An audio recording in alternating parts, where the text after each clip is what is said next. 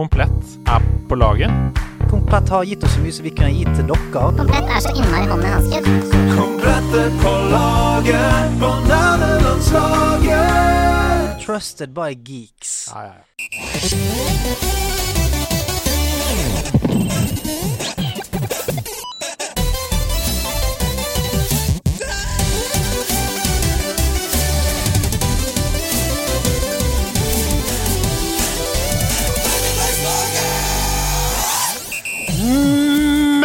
Mellom barer og mathall på vulkanheven nerdelandslaget sin heim. Og det er vakkert! Det er ikke riktig toneart, men herregud, vi er i gang. Det er tid for en ny episode av Nerdelandslaget, podkasten som handler om nerding og landslag. Og rett foran meg så sitter han, mannen eh, Altså, er det Patagonia han bærer? Jeg er usikker, vi skal ikke reklamere for det jeg er, men han er kjekk. Han er rå, han har dansemovesene allerede. Det er Andreas Hedemann. Hallo! Hallo! Det er Der har vi catchphrase. Hallo! Drep musikken. Okay. Er det catchphrasen? Hallo! Hallo? Nå har vi laget dette i 100, hva er det? 159 episoder eller et eller annet sånt. vel så det. Det er ingen som har sendt inn catchphrasen 'hallo' før nå. Uh, Alfons skriver forslag til catchphrase 'hallo'. Hilsen Alfons. Jeg setter litt pris på det. Det er noe herlig ekte med det. Ja, er det, er det nesten Er det så vanlig at det er avantgarde? Det er jeg helt enig i. For det første er det det, og for det andre så er det også veldig anvendelig. Kan, vi snakket litt om det i forrige episode. Du kan Du mener at du kan si det Du kan si det på mange forskjellige måter. Du kan si Hallo! Og du kan si hallo. Hallo. Når sier man Å ja, det er sint med kundeservice. Hallo, har jeg kom til Tølia. Internett var nede i Hønegård. eh, historie fra virkeligheten, faktisk. Jeg ringte, eller jeg ringte ikke. Jeg chattet aggressivt med Telia i dag for å få én dag tilbake på fakturaen, fordi vi hadde internett nede i Hønegård. Hvor mye penger er det? Hvor mye gronkolinis ble det? Det er vel en 17 kroner eller noe, da. 17 kroner rett i fòret, det! Det er prinsippet OK? Ja, det er det, men Hallo? altså Hva får du Hallo! Prinsippet, OK? Det, det er neste ukes catchphrase. Det er prinsipp! Så det blir bra. Men Hvordan har du det? Du, jeg har det kjempefint. Ja, Eh, du ser godt ut. Du, likeså, likeså. Du kler eh, lue og hettegenser. Tusen takk. Dette er jo min årstid. Mm. Nå endelig. eh, heten forsvinner og kulda setter inn. Da sier vesle Sebbegutt til lueflokken sin at alle skal under hetta. Og passer seg for den, så skal vi snart feire jul igjen. Så det er helt fantastisk for meg nå uh, å gå inn i kulda. Men også spill høst. Mange Mm. morsomme ting på skjema i, i det hele tatt. Jeg gleder meg. Det kommer mye bra, altså. Og etter at vi begynte med den der værspalten i nyhetsspalten, så har jeg jo ble, vært mye mer oppdatert på spill som kommer, enn noen gang før. Uh, og det har jo ført til at jeg har fått testa ut mange spill som jeg ikke ville ha testa ut ellers. Og det håper jeg også funker for de som hører på, at de bruker den spalten aktivt. Uh, jeg gleder meg f.eks. nå plutselig til et spill vi skal snakke om litt senere, som jeg ikke hadde tenkt å spille. For jeg Ok. hadde ikke hørt om det. Oi, nå, vet du hva du gjør nå? Nå teaser du videre sending. Dette er så profesjonelt! Dette er gjennomproft. Det er klart det er proft. det er klart det er proft. Ellers på privaten så har jeg det bra. Høsten er på vei til å sette inn. Det betyr løv på plenen. Jeg har akkurat blitt ferdig med å rydde epler, så da er det på tide å begynne å rydde løv. Ja, for du har fått deg mye plen, vet du. Og det er altså det er et ilandsproblem. Det, altså, dette er snikskryt og klaging. Det klager jo snikskryt på en gang. Den beste Å, norske sandwich. Ja, ja, og nå er jeg nettopp ferdig med å plukke eplene fra haven. Og så kommer planen. Hvorfor har du blitt Du har blitt, sånn, du har blitt en sånn gresk hagemann. Heldigvis så er det på strømmen. Det er, Det er ikke på- på, så jeg har også blitt en, altså blitt en landets mann. Så du er, er på en måte en gresk gud, men med strå i kjeften. Ja, Som handler på Haakonsen Maskin og Coop-en, da, vet du. Gjør du det? Ja. Ja, herregud. Hender det du kjøper bikkja selv om du ikke har bikkje? Jeg handler knivblader til uh, robotgressklipperen på Haakonsen Maskin. Ok, så det er ikke så mye slit, ja. Du har roboter til slikt. Fullt med huset. Ja, nei, det sier jeg med en gang revolusjonen kommer, Hedemann. Så er du den første som går. Men navn har vi noe gjest i dag, da! Det er klart vi har gjest, men vi kan ikke ta inn gjesten helt ennå. Kan vi ikke det? Før vi begynner å snakke om spill, så har vi selvfølgelig masse nye gode gaming-deals til dere, for oktober er jo her. Oktober er her. Det er innetid, og komplett er fortsatt på laget. Er komplett fortsatt på laget? Ja, så du synger etter! Ah, det er så deilig. Om høsten så sitter man jo mye og koser seg foran gaming-PC-en. Og Derfor så har vi denne måneden gått for et sånt tema. Vi har valgt ut en rekke produkter som oppgraderer selve feelingen av å sitte foran PC-en. Det stemmer, Andreas. Og først ut denne måneden er et produkt vi også anbefalte forrige måned, men vi er nødt til å ta det med fordi vi har fått meldinger fra flere av dere som kjøpte det og er superfornøyde. Det er Svive Altair Altair? Al Altair Jeg vet ikke hvordan du uttaler det. Altair. La oss Altair. investere ingen særetider. Altair. Ja, det er Svive Altair gamingpult som er satt ned fra 3890 til 1490. Ja, og det, altså, jeg snakka jo litt om det her forrige måned også, eh, men jeg har nå altså eid denne pulten i ett år, og den er helt konge. Den er supersolid, den er enkelt å sette sammen, den ser fortsatt helt ut sånn som den så ut som den var ny. Og her er en av de meldingene som vi har fått, eh, som jeg bare kan lese opp nå, ord for ord.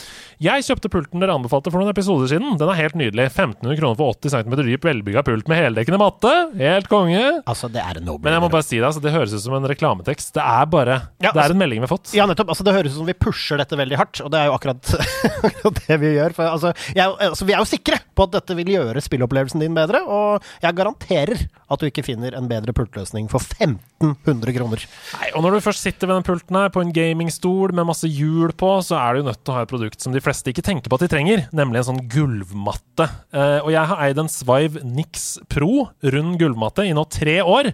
Rulla rundt på den daglig, og hatt den med på flyttelass til og med. Og blitt med meg over til Rælingen. Og den holder seg helt konge fortsatt. Eh, det viktigste med den det er at alle typer gulv, enten det er stein eller parkett eller hva det er, unngår riper fra eh, hjulene på stolen.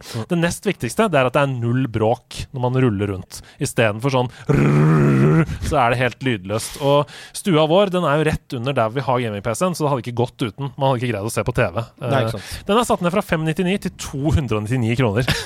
Det er en veldig god investering. Hva er det som koster 299, da? Det er et halvt, et, en tredjedel av et PlayStation-spill. Du, vet du hva? Det er mange ting som koster 299, men dette er en god investering til Ja, ja, 299. Også, men ikke sant. Nå sitter du da med god antisklimatte og fin pult. Men herregud, det er så mye smuler! Altså, det er mye smuler nedi tastaturet, Andreas!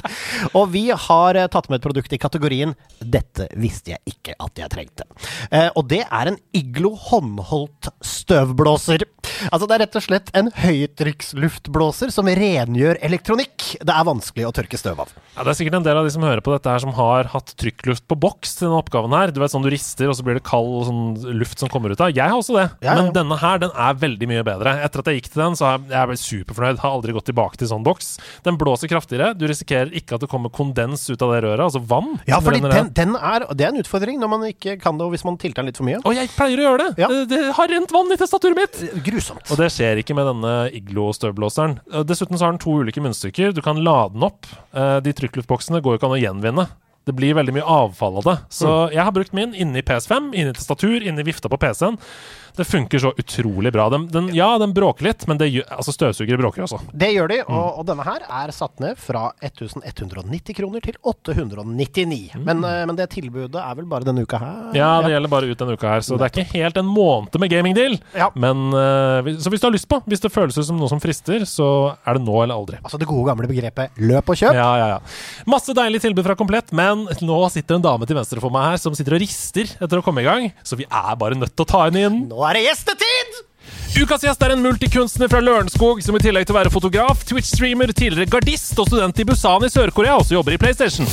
Hun var nemlig fryktelig gira på Detroit Become Human før det kom i 2018, og var såpass ivrig i kontakten med PlayStation Norge at de forsto at her hadde de noe helt spesielt. Nå programleder hun YouTube-satsingen L2R2, der hun bl.a. får Thomas Hace til rage-quitte med jevne mellomrom. Men det stopper ikke her. Ukas gjest vant nemlig bronse i kategorien Årets nykommer på den anerkjente fotografiprisen Gullsnitt i 2015, så talentet er udiskutabelt. Men at ukas gjest også er glad i kos, det er liten tvil om. For ti år siden så fortalte hun nemlig til Romerikes Blad at pysj, det kan brukes til mer enn å sove i. Når vi slenger med miksen at hun og moren Karin har et spesielt forhold til blå vin, så har vi en livsnyter av rang i studio. Så ta vel imot streamer med over 5000 følgere og navnet Yohi og brand engagement og community specialist i PlayStation Norge, Helena Bostad! Altså, hva i alle dager som var sånn intro? Altså, her, Du tok frem ting som jeg søren meg hadde glemt hadde skjedd i livet mitt. Altså, altså, er det pga. den blå vinen du har glemt det, eller? Kan godt være. Altså, det er mye som har skjedd i livet som jeg sikkert har vipa en god del ting. Noe for det gode. Men wow! Ja. Men blå vin, hvor kommer det fra? Uh, jeg vet Er det det kattevin du snakker om nå? Nei, jeg bare Nei. fant en Facebook-kommentar der hvor du hadde tagga moren din og skrevet Se her, vi var først ute, og så var det sånn Nå kommer blå vin til Norge. Det var det. Altså, for det er en hårfin En ting, Du kan ikke spørre om noen ting som skjedde på Facebook. Facebook er en dark era. Det er ingen som husker noen ting da. Og hvis de husker noen ting, så vil jeg egentlig helst glemme det. Og i tillegg, så altså, jeg må bare si det at sånn Andreas du er veldig flink på dette, men det er en hårfin balanse mellom research og stalking. Det er en tynn, tynn linje, Ja, Andreas. det er det, det er det. Jeg var inne på Facebooken til mora di og så noen blå blåvin. ok. Wow, okay. Wow. wow. Men ok, la oss snakke om hyggeligere ting, da. Gullsnitt. Fotografiprisen. Ja, Ja. det var jo kjempekult at du fant ut, for det hadde jeg faktisk litt sånn småglemt. Men jeg har jo fortsatt den lille plakaten liggende i en skuff, da. Ja, for du har et eh, Eller ikke et tidligere liv, for du er jo fortsatt åpenbart fotograf. Men du, det var kanskje en større satsing Det for var en større satsing. Før Ja. var det liksom Ja, jeg har lyst til å bli fotograf, og liksom, det er det jeg har lyst til å leve med. Mm. Leve av og bli liksom Ja, Mm. kreativ menneske. Men mm. nei, nå er det virkelig eh, Men har du lagt, du har lagt den plaketten i skuffen fordi det er såpass fullt på peishylla? Skulle ønske. Skulle ønske. Nei, altså jeg har ikke hengt opp mitt eget bilde engang. Altså Jeg har et svært bilde som jeg har rammet inn, som jeg, som jeg har tatt selv. Jeg har fortsatt ikke fått hengt opp på veggen. Hva tok du bilde av? Eh, det var en sånn eh, rød røykbombe på um, um, Hva heter den denne og vin- jule, overgangen når man kjører til Bergen, den fjellovergangen. Oi. Ja, nettopp. ja. Um, å ja, den um, Dovre? Nei, ikke Dovre. Jeg husker ikke hva det heter. Men det er, ikke nei, ikke Valdresbrya heller. Uh, jeg husker ikke hva det heter. Nei, men det er en sånn uh, ja, fjellovergang da, som Ja. da har tatt bilde i. Det var en sånn røykbombe. Så det er sånn Mm. kjempefint hvitt snølandskap med sånn rød Deilig. Flott, flott. Farger! Farger. farger. Farger Men eh, det er jo ikke derfor du er her. Uh, fortell hvem du er i på en måte nerdespillsammenheng. Å gud, ja. Det er jo som du sier, jeg streamer på, på Twitch. Begynte i jeg tror 2016. Det er vanskelig tiden løper litt. Um, og ja, jobber også i PlayStation. Så det har liksom to sider, både privat og profesjonelt. Jeg har liksom klart å komme inn i gamingmiljøet, endelig. Det har jo vært en liten drøm. Fortell om L2R2-satsingen.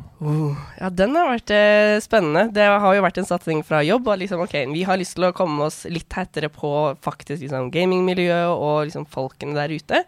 Um, så vi har begynt med en sånn satsing på, på YouTube for å da liksom lage content litt sånn av community for community. Mm. Hvor vi da faktisk fokuserer på gaming og ja, lokalt innhold. da. Mm. Istedenfor bare på en måte ting som blir sendt til dere Ja. isteden. Istedenfor litt sånne ting som er litt mer sånn reklame, og litt mer sånn her er de nye spillene som kommer, og dette er de liksom trailers og så videre. Så er det sånn å tenke ok, men vi har lyst til å vise oss at vi faktisk vi bryr oss om spill, vi kan spill, og dette er liksom ja, noen vi har lidenskap for også. Det høres jo ut som glitch, bare at det er putta inn i en PlayStation-setting. Ja, det høres ut som altså, med, med finansielle muskler, som det heter. Men dette høres jo gøy ut, så dette skal jeg sjekke ut. Jeg har, uh, må bare, altså, her skal jeg være så ærlig som jeg pleier å være og si at dette har jeg ikke fått med meg, men det skal vi Nei, ta en det, kikk på. det er de færreste som har fått med seg. Det er fortsatt en veldig voksende kanal. Altså, noen av disse, noen av disse klippene har vært tusenvis av views, Ja. så det Ja, ja. du, altså, det var ikke ment som kritikk! Jeg har ikke fått, det er mange ting som er milliarder av views på YouTube jeg ikke har sett. Ja, det er sant. Ikke tenk på det. Men eh, ta også eh, Kom et par høydepunkter fra den serien. Husker du liksom sånn ah, I den episoden med Thomas Hayes, for eksempel, som jeg eh, refererte til i introen her, da skjedde det. Det var veldig gøy. Har du noe sånt som du kan tease, sånn at folk eh, Uh. får lyst til å gå inn? Um, vi har jo um, med, med Da vi hadde gjest Billy John Bob og spilte Elden Ring. Altså, for et nydelig spillvalg. Altså, jeg, jeg har prøvd å spille det. Jeg tror jeg varte kanskje en time. Men da må du prøve igjen. Men jeg så, sånn, sånn, når jeg dør, det går altfor hardt inn på meg. Jeg får det ikke til. Ja, men altså, ikke. altså, det er det som er. Du må lære deg å akseptere døden, bli glad i døden, og så blir det Omfavne døden. Men, Ja. så gifter du deg med døden, og så skilles du, og så hater du døden, og så liker du den likevel. Og Og så. så dauer du bort til og så er det over. Men, eh, men eh, et knallspill, fortell. Um, jo, nei, så han, og han er, er en sånn nydelig, nydelig person, um, og streamer også på, på Twitch, Billy John Bob. Tror jeg det er bare det. Billy John Bobo 88 på, på eh, Insta. Uh, men han sier sånn Ja, men jeg er ikke noe særlig flink i Elden Ring, og er du helt sikker på at du vil ha meg som gjest? Jeg bare, jo, jo, det går helt, jeg vet at du er flink, og det er ikke noe problem. Så han kommer på, og han er jo søren meg god til å spille. Ah, ja. uh, så har liksom han er på andre runden eller noe sånt. For tydeligvis når du er liksom ferdig med spillet, så kan du begynne på nytt igjen. Ja, New. Game Plus, ja. Ja, ja, ja, så han var jo på New Game Plus, og så holdt på å spille. og Han hadde masse godt med både Armor og det ene og andre. Og så så, sånn Det er så vilt å melde. Jeg er ikke så veldig god. Jeg bare er på New Game Plus. Bare runda. Ja, ja. Så det var jo helt insens. Vi prøvde jo bare sånn Her skal vi bare for gøy, bare se om du klarer å slå Melania på New Game Plus sånn første forsøk. Eh, og så er det noe søren meg faktisk nær også. Og det var, bare, det var helt sykt. Skills. Hvilken bild eh, kjørte han? Jeg spør for en venn. Var det, var det magi? Var det sverd? Jeg, jeg tror det Han hadde jo et eh, slags katana. Jeg tror det var magi. Altså Det eneste, eneste jeg husker, var at han hadde lyst til å se ut som en sexy vampyr, så han har på seg en kappe og bare overkropp. Det er litt så cosplayer i Elden Og Ring. der er vi på. Fashion Souls, og Fashion Souls, det er da du vet at du er, da er i gang. Når, oh, ja, ja. når det ikke lenger er viktig med stats, men fashion er alt du bryr deg om. Everything. Nei. Men Helena, nå var det jo Nå sa jo Sebastian eh, innledningsvis um, Du må bare fortsette. Um, hvis, du, hvis du på en måte møter veggen, sånn som du sa etter en time, la oss finne ut om det er en del av personligheten din. For hvor var det det begynte for deg? La oss spole tiden tilbake. Hva var det første spillet? Hvor var det det begynte? Det begynte med Gameboy, Color og Pokémon og Super Mario med Yoshi's Island. The classics. For en buffé av eh, nydelige spill. Jeg får gåsehud! Ja, altså, Får det på ekte! dette her er er jo unektelig gode spill. Altså, hvor skal vi begynne? Nei, altså det er jo veldig få Du sa Gameboy med Pokémon, og da er det jo et oppfølgingsspørsmål man alltid må ha. Har du en favoritt-Pokémon? Er det en som står ut for deg? Nei, fordi at det, det som er så synd, er jo at jeg spilte kun det spillet, og jeg ble ikke ferdig med det engang. Nei. Og jeg har ikke spilt noe eh, Pokémon siden. Er det fordi du, fordi du whita ut, altså du, at alle Pokémonene fainta, og da kunne du ikke fortsette? Det var faktisk ikke. Det Det hadde vært legendarisk hvis det var det, Ja. men eh, nei, det var ikke det. Det var rett, rett og slett at ironisk nok, i familien min så er det jeg den eneste som faktisk er skikkelig lidenskapelig med videospill. Mm. Men jeg er også den dårligste familien til videospill. Så du har en familie av folk som hater videospill, men er innmari gode. Ja, Så når jeg da fikk det til å spille både Pokémon og den Yoshi's Island, så hadde vi hver vår save. Jeg hadde en save, min søster hadde save, og da mine foreldre hadde save sammen. Ja. Eh, jeg var den som var langst, lengst bak. det er fantastisk! Altså, jeg fikk det jo søren meg aldri til. Så, så Hadde, tenkte foreldrene dette er det hun skal leve av. La oss satse på dette og bygge opp under den hobbyen. tror du det er litt sånn Tror du, søster, tror du søsteren hennes nå Eller jobber søsteren din nå som liksom Hun er en av de beste i e-sport i verden, men hun hater det som pesten. Litt sånn som, eh, litt sånn som Balotelli i fotball, hvis Ja, du har den referansen. ja, ja. At, hun er, at hun bare Hun har ikke lyst til Hun har lyst til å danse! Hun har ikke lyst til å spille TV-spill. Hun, hun klarte å høre på sin egen stemme, altså, hun er jo kunstner nå. Ja, så, så hun klarte å holde til det. Men jeg syns jo fortsatt hadde vært sykt gøy hvis hun hadde fortsatt med gaming, fordi at hun er jo søren meg så, så mye bedre enn meg. Mm. Så det var litt det som egentlig bare sluttet at de var så mye bedre. Jeg klarte aldri å komme meg frem, og jeg tror det ble litt sånn småstøkk, litt også for, forvirra. Jeg tror også begynte med det såpass tidlig at jeg var ikke så komfortabel i engelsk. Nei. Ja, fordi, Um, hvor gammel er du her? Åh, husker ikke. Under ti, Ja. Tror jeg. ja, for du er jo ba, du er ba, Jeg sier bare, for du er yngst i studio her. Er du 26 eller noe sånt? 28. 28, men ja. hyggelig å si. Ja, for, ikke sant? Så det er jo langt bak oss. Vi er jo gamle menn i forhold. Ja, herregud, jeg var vel, altså, jeg var vel godt og vel myndig da jeg spilte første Pokémon-spillet. Jeg er 58, er det ikke det her nå? Nei, men eh, det er gøy. Det er veldig mange som kommer hit som er på en måte i vårt ish-alderssjikte. De nevner jo de, på en måte klassikerne som det første spillet, men Yoshi's Island det er det veldig få som har nevnt. Så la oss bare bade litt i det. Vi har snakka om Jeg skulle til å si det. mange ganger. Men har du noen liksom, øyeblikk som du husker fra det spillet? Hva var det som var så fint med det? Nei, bare, altså det eneste jeg husker, er så sykt Yoshi og alle de lydene Yoshi lager. Og det er Ja. bare jeg elsker det. ja. Når prøver ja, når han presser ut et ekstra hopp der eller noe sånt. Ja, ja, og bare så prøver å over... Åh, altså, det- Oi, du var veldig god! Takk. Det gang skjer aldri. Jeg tror jeg, jeg tror ikke jeg har det i meg. En- en gang til. Men- Er det noe sånt? Du er litt sintere. OK, er det Yoshi-konkurranse? oh, jeg orker hva? Når du setter deg på Yoshi, så er det Eller, Ja, ja, Ja, men- Dette men- er innhold. men, den lyden, men den lyden vi snakker om, er jo når Mario detter av, eller du mister Mario, som er noe av det mest enerverende lyddesignet gjort i spillhistorien. Fly rundt i den lille bobla si, og du må hoppe opp for å få tak i baby Mario igjen. Ja, ja, og det er liksom Og når den ja, jeg må hoppe, og du kan type glide ned, tror jeg. Mm, mm. type, jeg husker ikke. Det er, igjen, som sagt, det er lenge siden. Mm. Um, så det husker jeg. Og liksom når han um, tar og hva skal jeg si får tak i et egg med tunga si. Mm. Det som er gøy med Yoshi's Island, som jeg syns var veldig frustrerende da jeg var kid, det var jo at plutselig så var det et FPS. Ja, stemmer det. Fordi du skyter jo egg Ja. hele tiden. Ja, ja. Kanskje FPS er å ta i, for det er ikke first person, nei. men det er et skytespill plutselig. Altså Jeg var jo vant til Super Mario World, og Yoshi's Island het vel Super Mario World 2, eller noe sånt? Yoshi's Island. Jo, jeg mener det var noe sånt. Et eller annet sånt. Ja. Um, og eh, det at du da liksom Du fikk egg ut, og så gikk den brr, brr, i sånn skrå, den derre markøren, og så måtte du stoppe den og skyte egg. Et slags 3PS, kan du vel Ja, kanskje kalle det. 3PS. Wow. Det syns jeg var skikkelig irriterende da jeg var kid. Og derfor så ble det litt sånn sleeper for meg, det spillet. Ja. Men så tok jeg det opp igjen i voksen alder, for det ligger jo på Snes Mini. Ah. Og det var kjempegøy! Nice. Knallbra spill! var, men var det noe fysikk i den skytinga? Sånn at det liksom var noe sånn grav, Du måtte ta høyde Gravit- for gravitasjon og sånn? Eller var det bare Nei, det er hitscan, ja. Det er ikke Ja, ok. Det er ikke noe aim assist der, nei. Nei, ok, deilig. Nei, men ok, hvor, eh, altså I nederlandslaget så er det jo sånn Etter at vi har etablert hvor spillkarrieren begynte, så har vi jo bedt deg om å ta med på en måte topp tre spillopplevelser. Som ikke trenger å være de beste spillene noensinne, men som på en måte har forma deg, som du husker godt. da Hvor skal vi begynne da? Um, jo, nei, jeg har jo lyst til å begynne med en som uh, hva skal jeg si Hadde en ganske stor påvirkning. For det var en litt sånn dyster periode som sikkert de fleste andre har hatt i livet. Litt sånn med depressive tider. Mm. Um, hvor jeg da fant uh, Journey. Oi! Game from that game company. Åh, altså, det er en så stor favoritt for mange i dette rommet. Men det Um, er så nydelig. Så jeg spilte det spillet om og om om igjen, og jeg elsket jo hver eneste person som da jeg møtte. For det er jo Altså, det spillet du kan møte med randoms, Mm. men du kan ikke snakke med dem, og det er jo helt nydelig. Og så plutselig så har du et adventure. Altså det, jeg har Ja. fortalt om det i studio før, skal fatte meg i korthet. Men jeg husker jo min første playthrough av det. Så møter jeg en som jeg bare er sammen med hele. Vi danser rundt og utforsker og bare Vi spiller det ordentlig sammen. Det er ikke noe kødd. Nei, nei. Og så kommer man liksom til mål, og så får man vite at man har spilt med noen, og så tikka det inn en melding eh, i innboksen fra en helt random fyr. 'Thanks for a great journey'. Og da husker jeg da fikk jeg gaming gåsehud, som jeg kaller det. Ja, ja, men det beste var jo når jeg faktisk da For jeg innså ikke at det var en faktisk person før på slutten av spillet. Å ja. Ikke sant? ja jeg begynte, I starten så skjønte ikke jeg det heller, Nei, men så på begynner aller man å første gang. skjønne det litt etter hvert, da, for det var, Ja. var det voldsomt i AI på den. da. Ja, altså, det er, jo- man svarer jo, liksom. Selv om man bare kan si «Hei, Ja. hei, hei, hei, hei, hei, hei», Så svarer hun andre tilbake. Og så står dere der og til hverandre. Det som var rart med oss, var at eh, vi hadde det i partychat, nemlig. Ja. Og fortsatt så var det bare Det tror jeg var fra et litt rart sånn indokinesisk land. Så, men ja.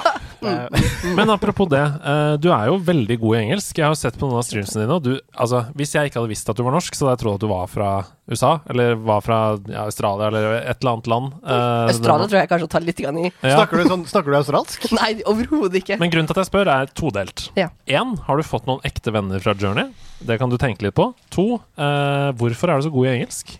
Har du familie som er Nei, du, det er faktisk veldig lett å svare på. Fordi at um, da eh, jeg var ferdig Det året jeg ble ferdig på videre Nei, ungdomsskolen, så fikk min stefar jobbtilbud i uh, Sør-Korea. Ja! Det var jo det jeg sa i introen. Yes, du sa det jo i introen, og det er kjempegøy. Uh, og hvordan spurte liksom Ja, skal vi dra? Og hvis vi drar, dette må vi ta liksom, avgjørelse sammen som familie. Jeg hadde akkurat slått opp med kjæresten min, så jeg var veldig glad for å dra ut av landet. For en måte å bounce back! Jeg var sånn Sayonara! Vamonos av Sør-Korea, som jeg pleier å si. Yes. Snakkes aldri. Så, eh, men da skulle vi skulle jo skole og sånne ting, alt være på engelsk. Og back in the day, jeg hadde veldig uh, no English, uh, you know. I didn't speak eh, English so good. Okay. Um, så da var det sånn, ok, men vet du hva, vi sender deg på uh, Pappa, faktisk. Jeg har skilte foreldre. Pappa sendte meg på sånn engelskskole. Oi. Eton eh, College for Young Boys i London. Eton College for Young Boys. Er det en Arrested Development-referanse, eller det høres ut som den derre He's a Milton Man. Ja, men, sånn Eton, har- men Eton har jeg da vitterlig hørt om. Ja, Ja, jeg ja, det er kjempekjent skole. Hadde du uniform med crest? Nei, det var en sommerskole, så jeg tror vi var der en måneds tid. Men, og igjen, det var jo en school for boys. Eh, jeg vet ikke om du har merket det, men jeg er not a boy. Um, men, så det var bare en måneds eh, tid. Men hadde du shorts med crest? Jeg hadde ikke det. Helt vanlige klær. Ja. Helt vanlige klær. Med crest. Ingen crest. Det var ikke noe crest. Du lever i en Harry Potter-samtid. Det er mange skoler med crest, Andreas. Ja da. Inklusive Hogwarts. Vi går videre.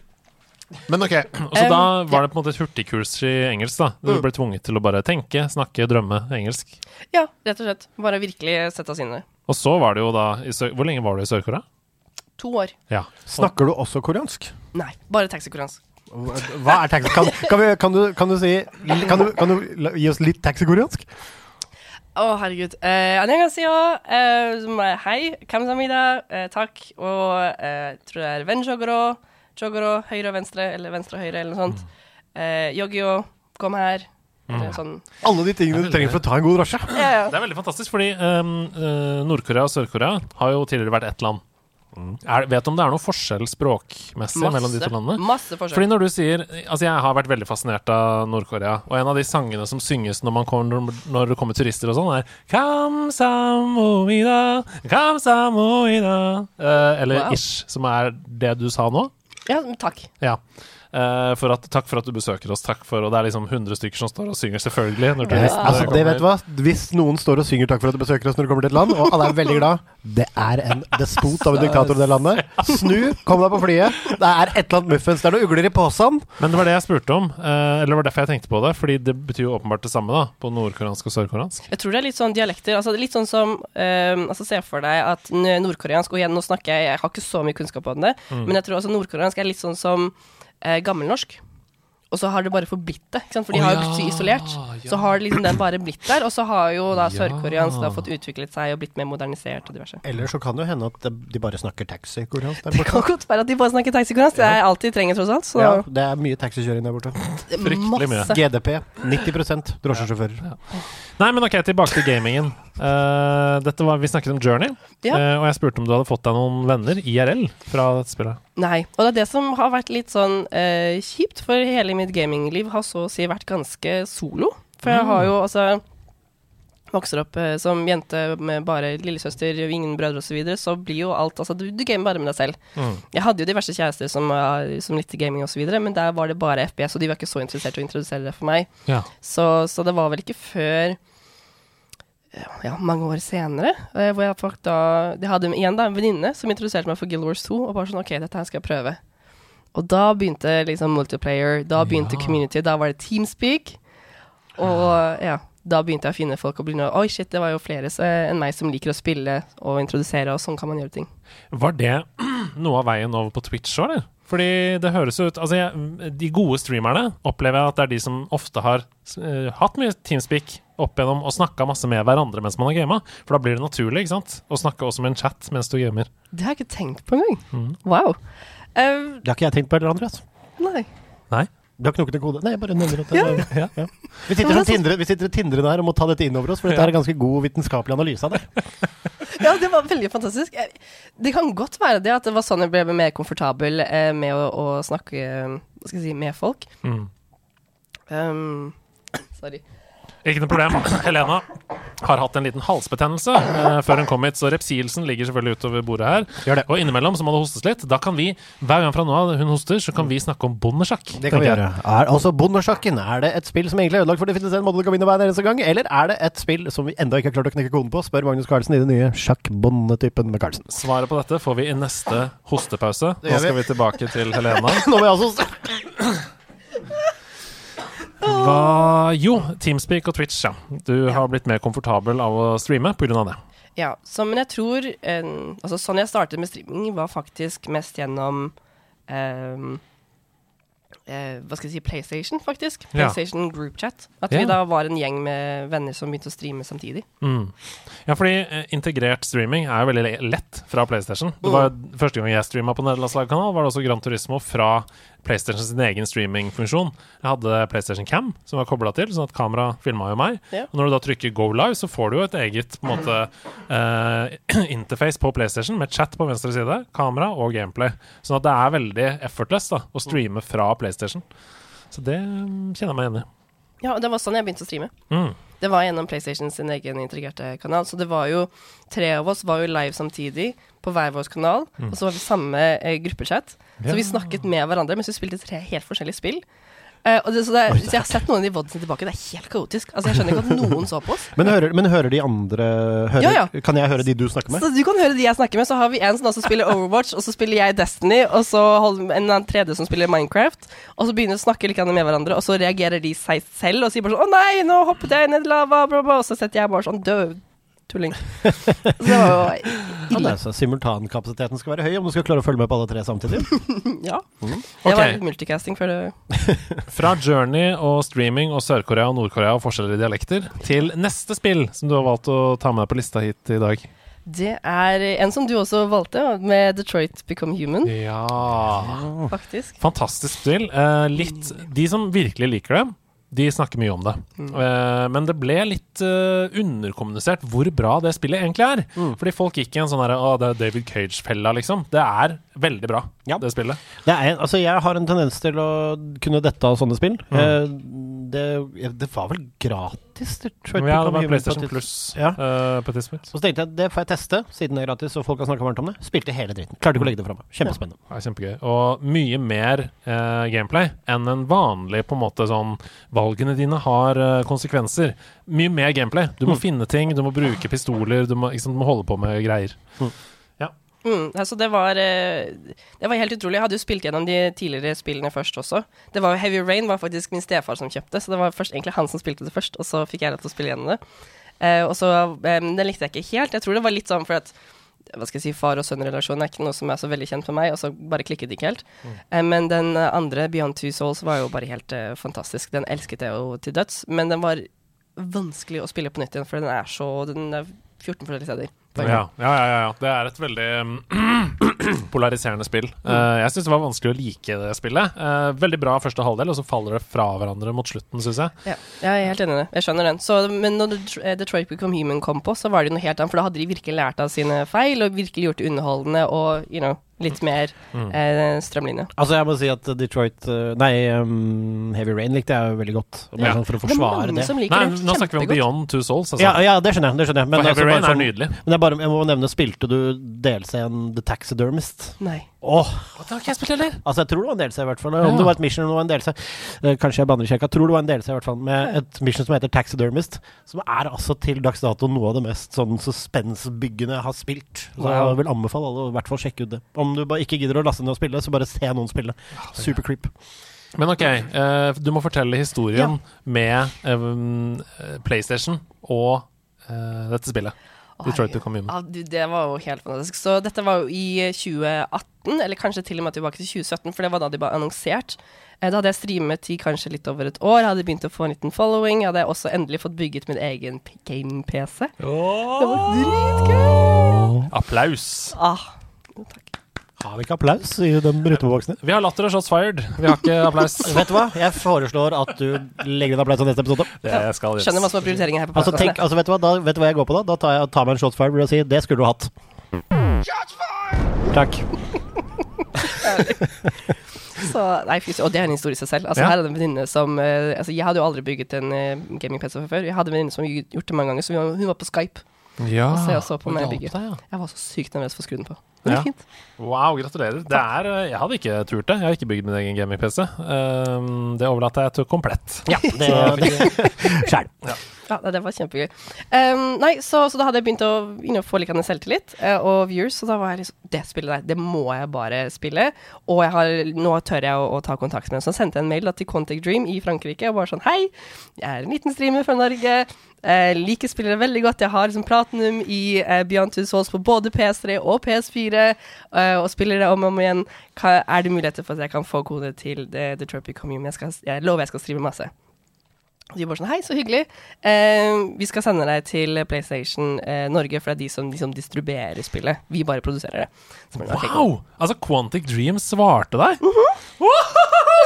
Det er, det er ordentlig hyggelig. Wow! Altså, jeg trodde ikke når jeg så det. Jeg tror jeg fikk et lite sånn panikkanfall da jeg så det på mobilen. Bare sånn, oh my god.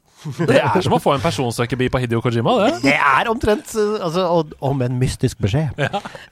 Du, jeg kan ikke hjelpe deg, men det er noen andre som kan hjelpe deg. Eplene faller, kanskje. men ikke i denne skogen. Oi, oi, oi, da har du fått deg en SMS fra Hidio Kojima. Ny spalte neste år. Hidio Kojima-SMS-en.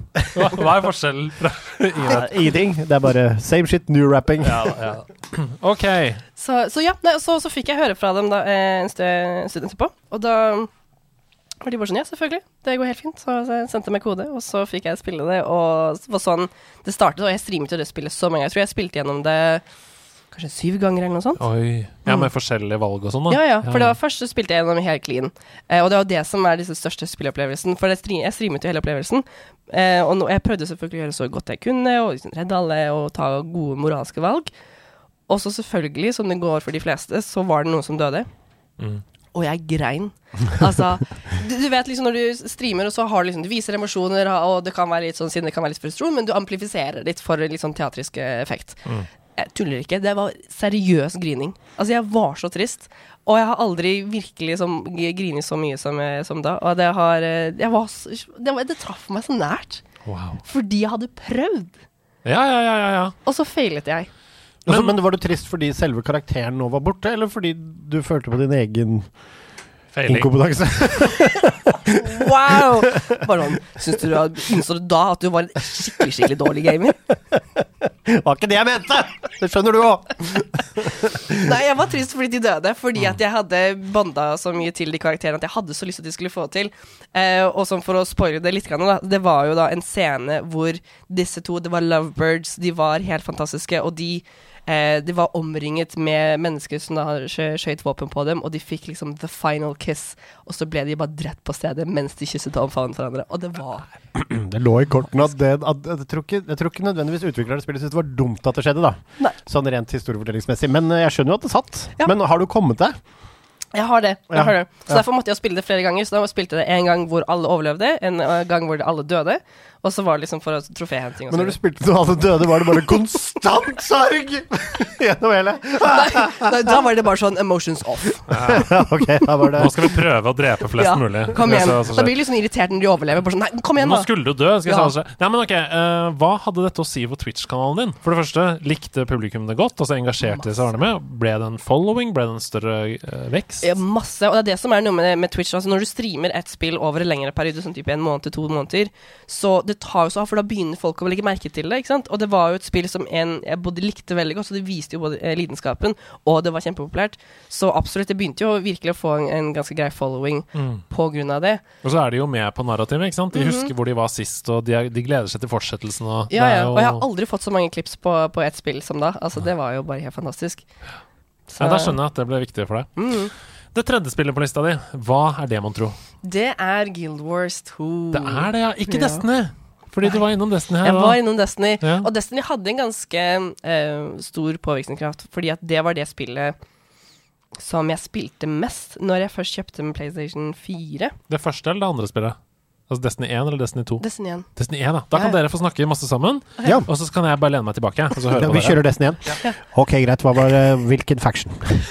Nei, men fortell. Uh, hvordan var din Destiny 1-race? Altså, det var helt fantastisk. Ja. Altså, det var igjen Jeg kjøpte jo mest uh, PlayStation 4 fordi at det var en kompis som sa du må spille Final Fantasy 14, bla, bla, bla, online-spill, og jeg bare sånn OK, cool, jeg over, hører på deg.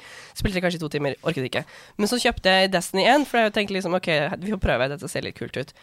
Forelsket meg totalt. Altså igjen, her var det da Jeg hadde eh, tre andre venner i hele mitt liv, eh, men i gamingverden, eh, hvor vi da spilte så mye, og jeg spilte det dag inn og dag ut. Altså, jeg drømte om det. Altså, det var virkelig Ja. Forelsket meg totalt. Ja, og så er det Hvilken bit av det likte du best? Var det PVP-en? Var det PV1? Altså, historien Altså, Vi kan jo være enige om at det var et spill som var noe lackluster historiemessig. Those wizards came from the moon. Trenger jeg å si mer? yes, wow, thank you. Ja, nei, det var det absolutt. Nei, det var eh, ja, Historien er jo som oftest det som egentlig trenger for at ting skal gå for, for min del, men det var PV1. Altså, det var liksom Igjen, det var et, det første spillet som jeg faktisk spilte med andre mennesker. Um, som jeg tror ja, nei, ja, det var det andre spillet. For første spillet var Guild Wars 2, faktisk. Men det, så dette var det andre, men det var det mye tettere. Og da spilte vi mye mer, og vi var så avhengige av hverandre. Og det skapte så sykt mye sånn camaraderie som, eh, som jeg aldri har hatt noe særlig i et annet spill senere. Og det som er så deilig med det, som jeg husker også, som kanskje du også opplevde, det krevde liksom noe av deg for å holde følge, men det var ikke så gærent. Nei. Det er liksom, Ja, du måtte holde følge for å bli raid-klar og sånne ting, men det å være med på strikes og hoppe inn i ting, og det var lett å ha en kompis med eller en venninne med som liksom ikke nødvendigvis var så høyt level og sånn, som jeg likte veldig godt, da. Ja, det var kjempeherlig. Og det var også det første spillet hvor jeg følte at ok, men nå er jeg faktisk på. Nå, jeg, jeg har liksom det riktige utstyret, jeg er riktig level. Ok, Så følger jeg litt med at ok, nå, nå har de kommet med oppdatering, så nå må jeg levele opp enda mer. Altså, jeg følte meg klar og en del av det. Ja, og så selvfølgelig det viktigste spørsmålet. Hva er din favorittfaction, og hvorfor er det Future War Cult? Eh, jeg husker ikke. Uh, for Ikke alle dette er så viktig for. Jeg har over 100 timer Nei, jeg har mer enn det. Jeg har over 300 timer i Destiny. Jeg husker ikke hvilken faction jeg tilhører. Husker ikke Nei, Nei, men da sorry. Da går vi videre, da. Ja, for Jeg husker ikke engang hvilken klasse jeg var. For jeg husker Det var ikke Warlock, uh, men jeg, Hunter tror jeg var. Hunter var min forrige klasse. Ja, ja, nei, men altså, det, det var egentlig I Destiny 1 så var det egentlig ikke så veldig mye med de factionene som man håpet at det skulle bli. Det var noe som aldri ble helt forløst. Men du kunne liksom skaffe deg faction-poeng og dinge en sånn ekstra greie. Future Warcraft Ja, det var det de var bare noe sånn Det var gøy bare pga. dopaminet, liksom. Og Ja, bare, altså- jeg fikk en ting. Ja, men det var kult, for du kunne få shaders, og du kunne bli informert. Altså Ja, Lakshmi 7 og Og absolutt. Altså, jeg var Fashion Wars à la Grande. Altså, det som er driver videospill for min del. Altså, Hvis du var fashion, så hadde du ikke en faction! Du kan jo nesten ikke skrive fashion uten faction engang! Ja, men Eh, Jeg brydde meg ikke om hvem det var, så lenge det var beautiful. ja, men var det Ok, greit. OK, OK, OK. ok Vi skulle snakke om Guild Wars 2. Det, var var, det vi bare et skulle snakke om, lite sidespor inn i Og, Destiny. og vet du hva? Det kan jeg ingenting om, så da foreslår jeg at dere snakker med Jeg gleder meg veldig til å høre om Guild Wars 2, for også Ja, for et spill som er litt underkommunisert i denne podkasten. Så derfor skal du få lov til å være ridderen av det runde bord og fortelle masse om Guild Wars 2. Hvor begynte det, hvorfor likte du det, osv. osv. Uh, altså hvor det begynte for meg, eller om Mm. spillene i seg selv. Liksom. Nei, for deg. For meg, altså det begynte uh, faktisk idet det kom ut, ish. Altså jeg hadde noen, uh, noen venner igjen, og hadde begynt å skaffe meg noen venner som faktisk gamet uh, IRL. Og de bare sånn Helena, nå kommer det snart ut et, eh, et spill. Vi har liksom, vi har elsket eh, Guild Wars, og det har vært så, så kult. Nå kommer snart Guild Wars 2. Det må du også spille, så vi kan spille det sammen. Um, så jeg bare sånn, ok, ja, vi får se. Det var litt dyrt på den tiden. Var det dyrt når spillet kostet rundt 700 kroner? Um, så jeg var sånn, ah, ja, vi får se. Så de endte opp med å spleise, så de kjøpte, altså, de ga, sendte meg halvparten av pengene. Å ja. eh, Så jeg fikk det, 50% off. Da vil man at noen skal spille et spill. Ja. Hvis man sier sånn 'Jeg vil så veldig gjerne at du skal øve spillet mitt', her er halvparten Ja. av pengene. Sånn at du please bli med. Ja, ja. Sweet. Så det var helt fantastisk. Så da, da gjorde jeg det, da. Og igjen, eh, dette var jo tilbake i 2012 eller 2013 eller noe sånt. Så jeg hadde jo ikke noe gaming-PC da. Jeg hadde en eh, Mac. Altså en Apple Mac, og det er ikke akkurat det største gaming-utstyret. Men, men det tålte det. Spilte på de verste settingsene, så jeg trodde jo i lang, lang tid at alle så ut som små firkanter, liksom, og hadde bare grå shades. så, så Fashion War var ikke så utbredt eh, i begynnelsen av tiden. Men, eh, men da begynte det, og jeg begynte å spille, og det var gøy. Og så datt vennene mine litt av pga. real life og diverse. Men jeg begynte da i militæret, og igjen var litt sånn smådepresso. Så det, da brukte jeg jo all tiden som ikke var ute i feltet, på å spille. Mm. Hele tiden. Eh, og så igjen, det, da da begynte jeg også den ekstroverten. og Bare sånn, ok, Vi bare snakker i Mapchat. Vi bare ser. Vi bare følger etter folk. Og så eh, plutselig så var det noen som snakket, og så var jeg bare sånn Har du lyst til å joine Gilden Wars? Jeg bare, Sure. Mm. Hvorfor ikke?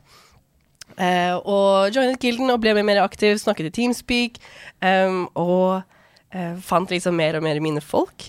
Og det, det gikk så på såpass godt vis at um, de endte opp med å spleise og kjøpe en commander tag til meg. Det er så bra. Alle, alle spleiser for å Altså bare free, Helena. freeloadere, surfer gjennom livet. Men det sier litt om hvor fin person du er, da. For alle har jo lyst til å ha deg med på ting. Jo, takk, det var hyggelig, da. Ja. Men eh, en ting som jeg kom på her nå. Du, du har jo snakka deg selv ned konsekvent i denne podkasten. Du er så dårlig, og familiemedlemmene er bedre. Guild Wars er jo et vanskelig spill. Altså Det er jo fast-paced combat som bare det. Du må jo vite hva du driver med.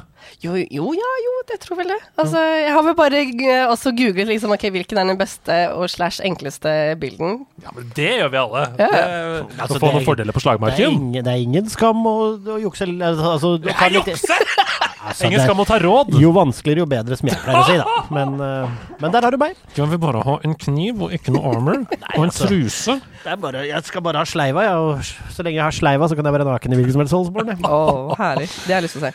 Nei, men ok. eh, det som er gøy, som jeg hører når du snakker om, det er jo at du er jo Du sier at du har vokst opp um, og spilt mye alene. Men så sier du også at noen av dine største spillopplevelser er å være i et fellesskap, yeah. spille sammen. Mm. Uh, Guild Wars, Destiny osv. Og, så og vi har jo erfart mange ganger at spillet trenger ikke være det beste spillet i verden, så lenge det er lagt opp til at det er gøy å spille sammen med andre. Altså Så lenge at teamspeaken er bra, så lenge at uh, man kan hjelpe hverandre, så lenge man føler at man spiller en rolle i et lag, da kan f.eks. historiemessig, som dere snakka om med Destiny, eller gameplay, som vi snakka om med Red Dead Online, være litt lackluster. Fordi den der følelsen av å gjøre noe sammen, den er så viktig. Så da er egentlig spørsmålet mitt til deg Ser du på deg selv nå fortsatt som en singleplayer-gamer, eller som en fellesskapsgamer etter at du har gått gjennom denne spillhistorien? Ja, Det er merkelig å, å tenke på, for jeg har vel egentlig det. Jeg har vel fortsatt tenkt på meg selv som en singleplayer-spiller, men liksom et hint av multiplayer. Men det er jo sånn som du sier, at de, de viktigste øyeblikkene mine har jo vært med multiplayer game. Og sånn du sier med Red Dead Online, altså jeg er så hjerteknust over at de ikke kommer til å gjøre noe mer med det. Det var så gøy. Mm. Altså jeg virkelig no life av den her over jul. Det var jo helt fantastisk. Jeg syns også det var veldig gøy, og jeg syns det hadde større potensial ja, Dette har vi snakka om mange ganger, men det å uh, spille litt sammen med Eirik Lindsund og ri rundt på to hester i, i Red Dead Online der, lage sin egen camp og bygge opp og Altså, når det kommer til ridning i spill, så er det en jeg tenker på, er Erik Lendsøn. Shout out til deg. Er hostepause, da snakker, snakker vi litt om bondesjakk igjen. Hvor setter du Ja. første eh, Nei, Jeg setter krysset mitt i midten, for da har du godt utgangspunkt for resten av spillet. Fint, da setter jeg runding opp i høyre, og så fortsetter vi neste hostepause. Ja, men da vet jeg bare jeg vet allerede sånn empirisk bevist, at jeg kommer til å vinne. Men greit, ellers så blir det uavgjort, hvis du kan det. Hvis du kan det. Det er helt nydelig. Ok, uh, så du ser på deg selv Noen av de største spillopplevelsene er i fellesskap Mm. online. Um, jeg jeg har- det meste har fordi at jeg, jeg kan og slash tør ikke helt å, å si meg selv avhengig av andre når det kommer til spillopplevelser. Ah, skjønner. Fordi at vennegruppene mine, altså alle disse forskjellige eh, gruppeopplevelsene som jeg har hatt, det har vært med forskjellige venner. Det er ingen av de som har vart gjennom alle disse 10-15 årene. Ok. Wow, det er gøy. Så du, du får gratis ting, og så går du videre til neste venner. Det er det du gjør. Det er ikke freeloading her, altså. Straks prosentene uteblir, straks kronene slutter å rulle, så reiser du til Korea og skaffer deg nytt. Verre enn noe taxi-koreansk der. Og det, det du kan, er høyre, venstre, rett fram, og hvor mye rabatt får jeg på denne turen. Ja, ikke sant? Tross alt. Insert cash. Ja, ja. Og Nei, er penger skulle du ha det òg, ja. Nei, det er fantastisk. Uh, vi spør jo også i denne brifen som jeg sender ut da, til gjestene, så skriver jeg Har du noen, liksom, gode historier uh, knytta til spill. Jeg skriver sånn Dette er en bonus. Kolon. Noen gode historier. Og når du har spilt såpass mye online, så regner jeg med at det har skjedd én og to ting. Og i hvert fall når du streamer. Ja, jo, det, det har det. Så um, nei, det tror den aller artigste som jeg fortsatt husker uh, med så godt, er gjennom Guild Wars 2 igjen. Hvor det da jeg hadde kommet i denne gilden da vi hadde spilt og, og gått gjennom uh, de forskjellige dungeons. Vi er på max level, og er på max level dungeon, som heter uh, Ara. Eh, og dette var jo back in the day, så det var det vanskeligste du kunne spille på den tiden. Um, vi hadde da kommet til siste bossen, som da hadde tatt oss rundt i kanskje 40 minutter eller noe sånt. Ja. Uh, og han var ganske lavt nede, men så vipa vi. Nesten. Åh, det var viktige ord! Ja. Ikke sant? Jeg var i live, og det som var at jeg spilte en klasse som var, er ranger. Og ranger var og er ikke sett på som den aller beste eh, klassen, men den har én ting som er utrolig, utrolig deilig. Og det er at eh, ranger er jo Altså en del av personligheten deres er å ha eh, et kjæledyr, en pet. Eh, og den, når du er nede og du så å si eh, ikke kan gjøre så fryktelig mye før du dør, er at den kan tilkalle deg petten, så den tar du og river deg. Så da gjorde jeg det, så da kom den til meg, reviva meg. Jeg fikk tatt noen hitpoints, døde igjen. Den kom tilbake, reviva meg, jeg fikk tatt noen hitpoints, og så døde igjen. Og det, altså, jeg klarte det, så jeg endte opp med å faktisk drepe den bossen. Åh, det var helt nydelig! Veldig klart. Åh, og selvfølgelig, det hadde jo gått raskere hvis vi bare hadde wipa og startet fra siste checkpoint, men det var jo så fantastisk morsomt, for vi satt jo der og bare lo oss halvt i hjel i Teamspeaker, fordi altså, igjen, jeg tror jeg faktisk til og med var litt underleveled. Så jeg hadde jo ikke engang utstyret, og de andre bare sånn, de hadde gjort det her flere ganger. Ja. Så eh, ja. Og etter du naila den, og etter du er dagens helt i bossområdet, hadde rett bossen, da er det bare å sende kollekten rundt til venner og kjente. Ja, ja, ja. Men det Jeg har tenkt å spille Spiderman på PlayStation 4 neste uke. Er det også med? Står du ved siden av hun med Frelsesarmé-gryta utenfor Oslo City og, og ringer ut? Jeg streamer på Twitch! Trenger spill! Lyst til å spille noen videospill! Ding, ding. Miles Morales kommer ut og to uker! Det er ikke gratis å drive med stream! Uh, nei, det er fantastisk. Uh, har du noe mer som du kommer på av disse historiene?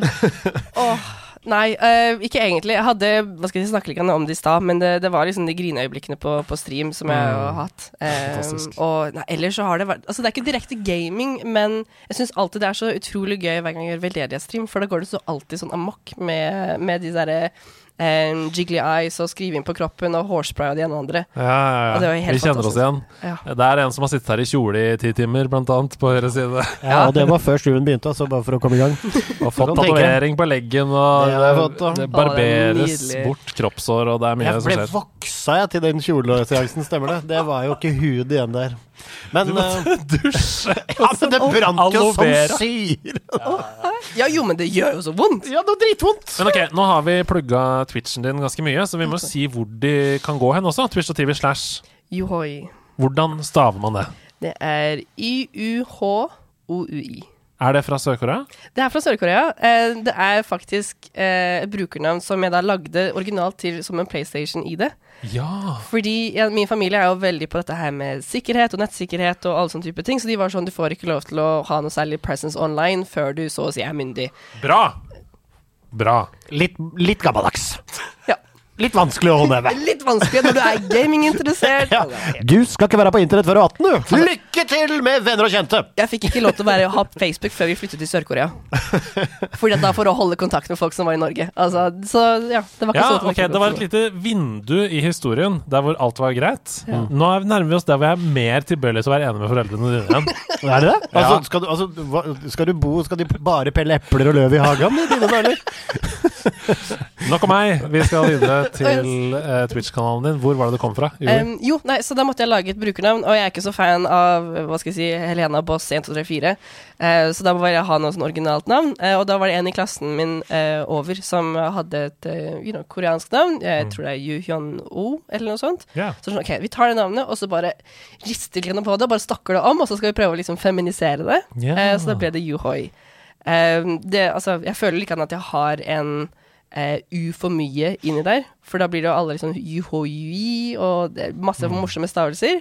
Og jeg har til og med fått eh, kommentert online når jeg har brukt det brukernavnet på MMOs og så videre, av folk bare sånn Hvorfor spiller du en kvinnelig karakter når du har et mannlig navn? Ah. Oh. Ja, men det er ikke Det er, altså, det, er- det, var, det er en svunnen tid. Nå er det helt ok. Ja. Og jeg spiller jo nesten bare kvinnelige karakterer når jeg spiller online. Det Eh, så sånn Men er. Vera Vårgrønn er ikke så jævla androgynt nå. Nei, det er sant. Eh, dessuten syns jeg Yuhoi Iris Isblå, som er Runa Elden med. ja, altså det, Dessuten syns jeg at Yuhoi høres litt ut som det koreanske for tjoho! Og det syns jeg er litt koselig. Jo, men det er det som er så fantastisk, for hver gang jeg da eh, raider noen, så kommer de inn og bare sånn Johoi! Ja, Ah, det er jo merkevaremessig gull, Det er det. Bra for merch. Ja. Veldig bra for merch. Ok, la oss snakke litt om vi, Nå har vi oppsummert uh, din karriere som gamer, uh, og jeg føler at vi har et tydelig bilde av hvem du er. Men hva er det du spiller nå, i disse dager? Nå Og da kan du tenke liksom i 2022, da. Etter sommeren, kanskje. Ja, etter sommeren. Ja. Um, nei, morsomt nok så er jeg faktisk tilbake i Guild Wars 2. Ja! De har, I år så har de tiårsjubileum, Ok. så, så da hadde de liksom masse, masse PR-greier og masse kule ting. Så, og så kommer jeg etter tilbake. Er det noe nytt innhold og sånn? Masse nytt innhold. Wow. Og det som er så morsomt, er jo at eh, de har jo altså de, Speaking of story, der er de kjempegode på story, eh, med masse liksom voicelines. Og det det er noe av det de har gjort. At mye av den eh, storyen som har vært, har de faktisk lagt til voicelines nå, så før som bare var tekst. Eh, og så har de, i den første Living Storyen, eh, sesong én, de har latt at folk kan spille den på nytt igjen. Som egentlig ikke høres så veldig merkelig ut, men eh, grunnen til at de har låst den, altså etter at eh, Living Story 1 gikk live, så, så, og den var ferdig, så kunne man ikke spille den tilbake igjen, fordi at den endret hvordan kartene var. Oh, ja! Den endret hvor, flere av kartene til liksom, Den ødela en by, og den gjorde Ja, noe helt annet med en annen. Så det var, så- det var så definerende for spillet Wow. at eh, det var, hadde, hadde ikke gått å bare spille det på nytt igjen. Men-. Men er det da nå på en måte Kan du anbefale å gå inn i Guild Wars 2 nå? Er det det beste tidspunktet å begynne å spille det på, hvis man ikke har spilt det før? Jeg tror, ja. Altså, jeg syns absolutt man kan begynne å spille. Og det som er så morsomt også, før, før i tiden så kostet det penger. Snakket om det at det øh, var ganske dyrt og selv for den tiden, men nå er det jo free to play. Ja! Med Eh, Battle Pass og noe sånt, da, kanskje? DLCs, da, så Ja, expansion okay. packs. Så, men en av de tingene som jeg bare elsket Wars 2 versus uh, World of Warcraft, er at du betaler én gang. Det er ikke noe Ja. subscription fee. Ok. Det er virkelig, For det kan ikke jeg, og det er samme som altså, Fordi jeg er altfor altså, sporadisk, så jeg kan ikke liksom committe meg til Binde sånne deg, ting. nei. Nei, Nei, nei. Nei, men det er fair, det. Så jeg spiller mye av det, og, og jeg har faktisk også begynt å spille en del av Phasmophobia. Oi, det er så skummelt! Ja! Jeg spiller alle alene. Jeg spilt en gang alene. jeg dauer av det. Det er flere som har sagt Kan dere please spille det på veldedighetsstreamen, og det blir vel noen hva jeg kan Det lukter veldig fort fastmo, det. Altså, Gjett hvem. Altså, Mannen som hater skrekkspill, sitter der. Så det tror jeg vi kan si med en viss sikkerhet, i hvert fall, på na når jeg og han har nattskifte. Så skal Andreas Hedman spille Fasmofobia, og jeg skal le og kose meg på sitt. Please. Men det jeg kan anbefale for å hjelpe med liksom angsten av hele skummelheten, ta og sett på litt sånn send meditasjonsmusikk i bakgrunnen. Kjenner jeg Sebastian rett, så blir det omvendt. Det, skal, jeg skal, det jeg skal gjøre, at jeg skal kjøpe en fele med bare den lyse strengen og skjære tenner ved siden av. Er det jeg skal gjøre? Og så skal jeg kåle meg til sånn strømmeter, sånn at eh, ikke når det skjer noe skummelt, men du skal bare gjøre det innimellom, sånn at jeg får støt på tilfeldige tidspunkter. Spesielt hvis du må en, ha en kjapp toalettpause. Fordi du tar deg toalettpauser, og da veit jeg at du puster og roer henne. Det skal vi ikke ha noe av neste gang. Ok, Jeg skal i hvert fall velge hvor den strømbeltet skal festes. Det skal han ikke. Dette blir en kjempestream. Følg med. Phasmophobia, hva er det du liker med det? Jeg vet- ikke. Det er, så, det er merkelig å si, for jeg kan liksom ikke helt stadfeste hvorfor jeg, hvorfor jeg liker å synes det er fascinerende. Det er bare en sånn litt sånn mindless games, eh, hvor jeg bare går inn, og jeg tror jeg liker liksom the puzzle med det. Jeg fikk også spille her forleden et nytt sånn Phasmophobia-like spill, som er enda mer puzzle, men det var også litt små, sånn småødelagt, og det var ikke like spennende. Så det er noe bare med at jeg liker bare å lære det, og, og kjenne disse hidden rules. For de selvfølgelig sier jo at dette spøkelset gjør sånn, eller den er susceptible til this og det og that, men det er så mange sånn ukjente ting som du har på wiki. Sånn type OK, men hvis dette skjer her, så er det dette spøkelset, og dette spøkelset gjør aldri sånn og gjør aldri sånn. Så det er bare noe Det er sånn community-drevet. Uh, Ja. Som om det skulle vært en, en guide til Fasmofobia, sånn som man kjøpte før i tiden. Du kjøpte sånn tjukk Link to the Past-guide, for eksempel, eh, som du kunne ta med deg hjem, hvor det står sånn Husk at hvis Link eh, har sånn sånn, så er det den greia på den pikselen. Det er litt sånn. Sto det i de guidene? Ja. Ja, du hadde bedre guider enn meg. Husker du ikke den der busken som du må slå vekk i Link to the Past, hvor det er trapp ned? Den der hemmelige Den husker jeg, men den var ikke så innmari pixelspesifikk. For meg var det ok. Ja, ok, jeg skjønner, skjønner. Ja, Det er så helt fantastisk å høre, men jeg har aldri hatt guider. Nei. Ja, det er helt altså, jeg tror ikke det var Når jeg spilte Elders Cross Skyrim, så var det liksom det jeg, jeg visste ikke om guider på den tiden heller. Det var helt forferdelig, men det var så gøy. Ja, for vi dro jo til Rygge bibliotek og printa ut side på side, for det var gratis å printe. På Rygge bibliotek? Shit, det var avgift på Bekkestua deres. Avgift på Bekkestua. Ka- Ukas kaktus. Nei, jeg skjønner det. Papir og blekk var dyrt, det. Ja, det, men det var det. Før det. laserprinterens tid. det var det. Hvor mange prosent fikk du for din printing? Du det? Å, det er bra! Nå er vi gode på callbacks. Nei, uh, veldig, veldig bra. Ok, uh, noe annet du spiller om dagen? Bare kjapt mens du tenker, så kan jeg si det at jeg, jeg kom på at uh, Jeg spurte jo hva det er du liker med fesmofobia, og du sa jo i stad at du liker å føle ting. Du liker jo Du gråt masse da du spilte og sånn. Uh, og den, den derre følelsen av å være redd når man spiller Det er jo veldig mange som liker det, selv om de syns det er skummelt. Altså Vi har jo hatt Alexander Sandtorv her i Sidequest, som snakka om både Resident Evil og Silent Hill, og han er veldig glad i horrorspill. Same. Og, Og jeg hater det. Og Ja, jeg elsker å hate det. og det er det samme han gjør! Ikke sant? Han elsker å føle noe. da. Ja. Han føler at han lever, liksom. Det er grunnen til at jeg elsker horror også. Og jeg spiller det stort sett aleine, og det er fordi eh, jeg liker den frykten. Jeg ser skrekkfilm, og det er gøy å se, se det sammen eller å, å gjøre sammen også, men det, er- altså, det er gøy å bli redd! Og når det, er, det er gøy å bli redd når det er trygt å være redd! Men det er aldri trygt når du er aleine. Å jo, det er det. Jeg sitter jo bevæpnet, det er jo ikke tjukk. Med kontrolleren din, liksom. Bare sånn, ta den! Nei, men det er bra. Nei. Eh, hvis du ikke har noe mer på hjertet hva gjelder gaming nå om dagen? Nei, det tror jeg ikke jeg kan si. Altså, jeg, tar jo, jeg spiller jo gjennom faktisk Resident Evil 1 HD remaster.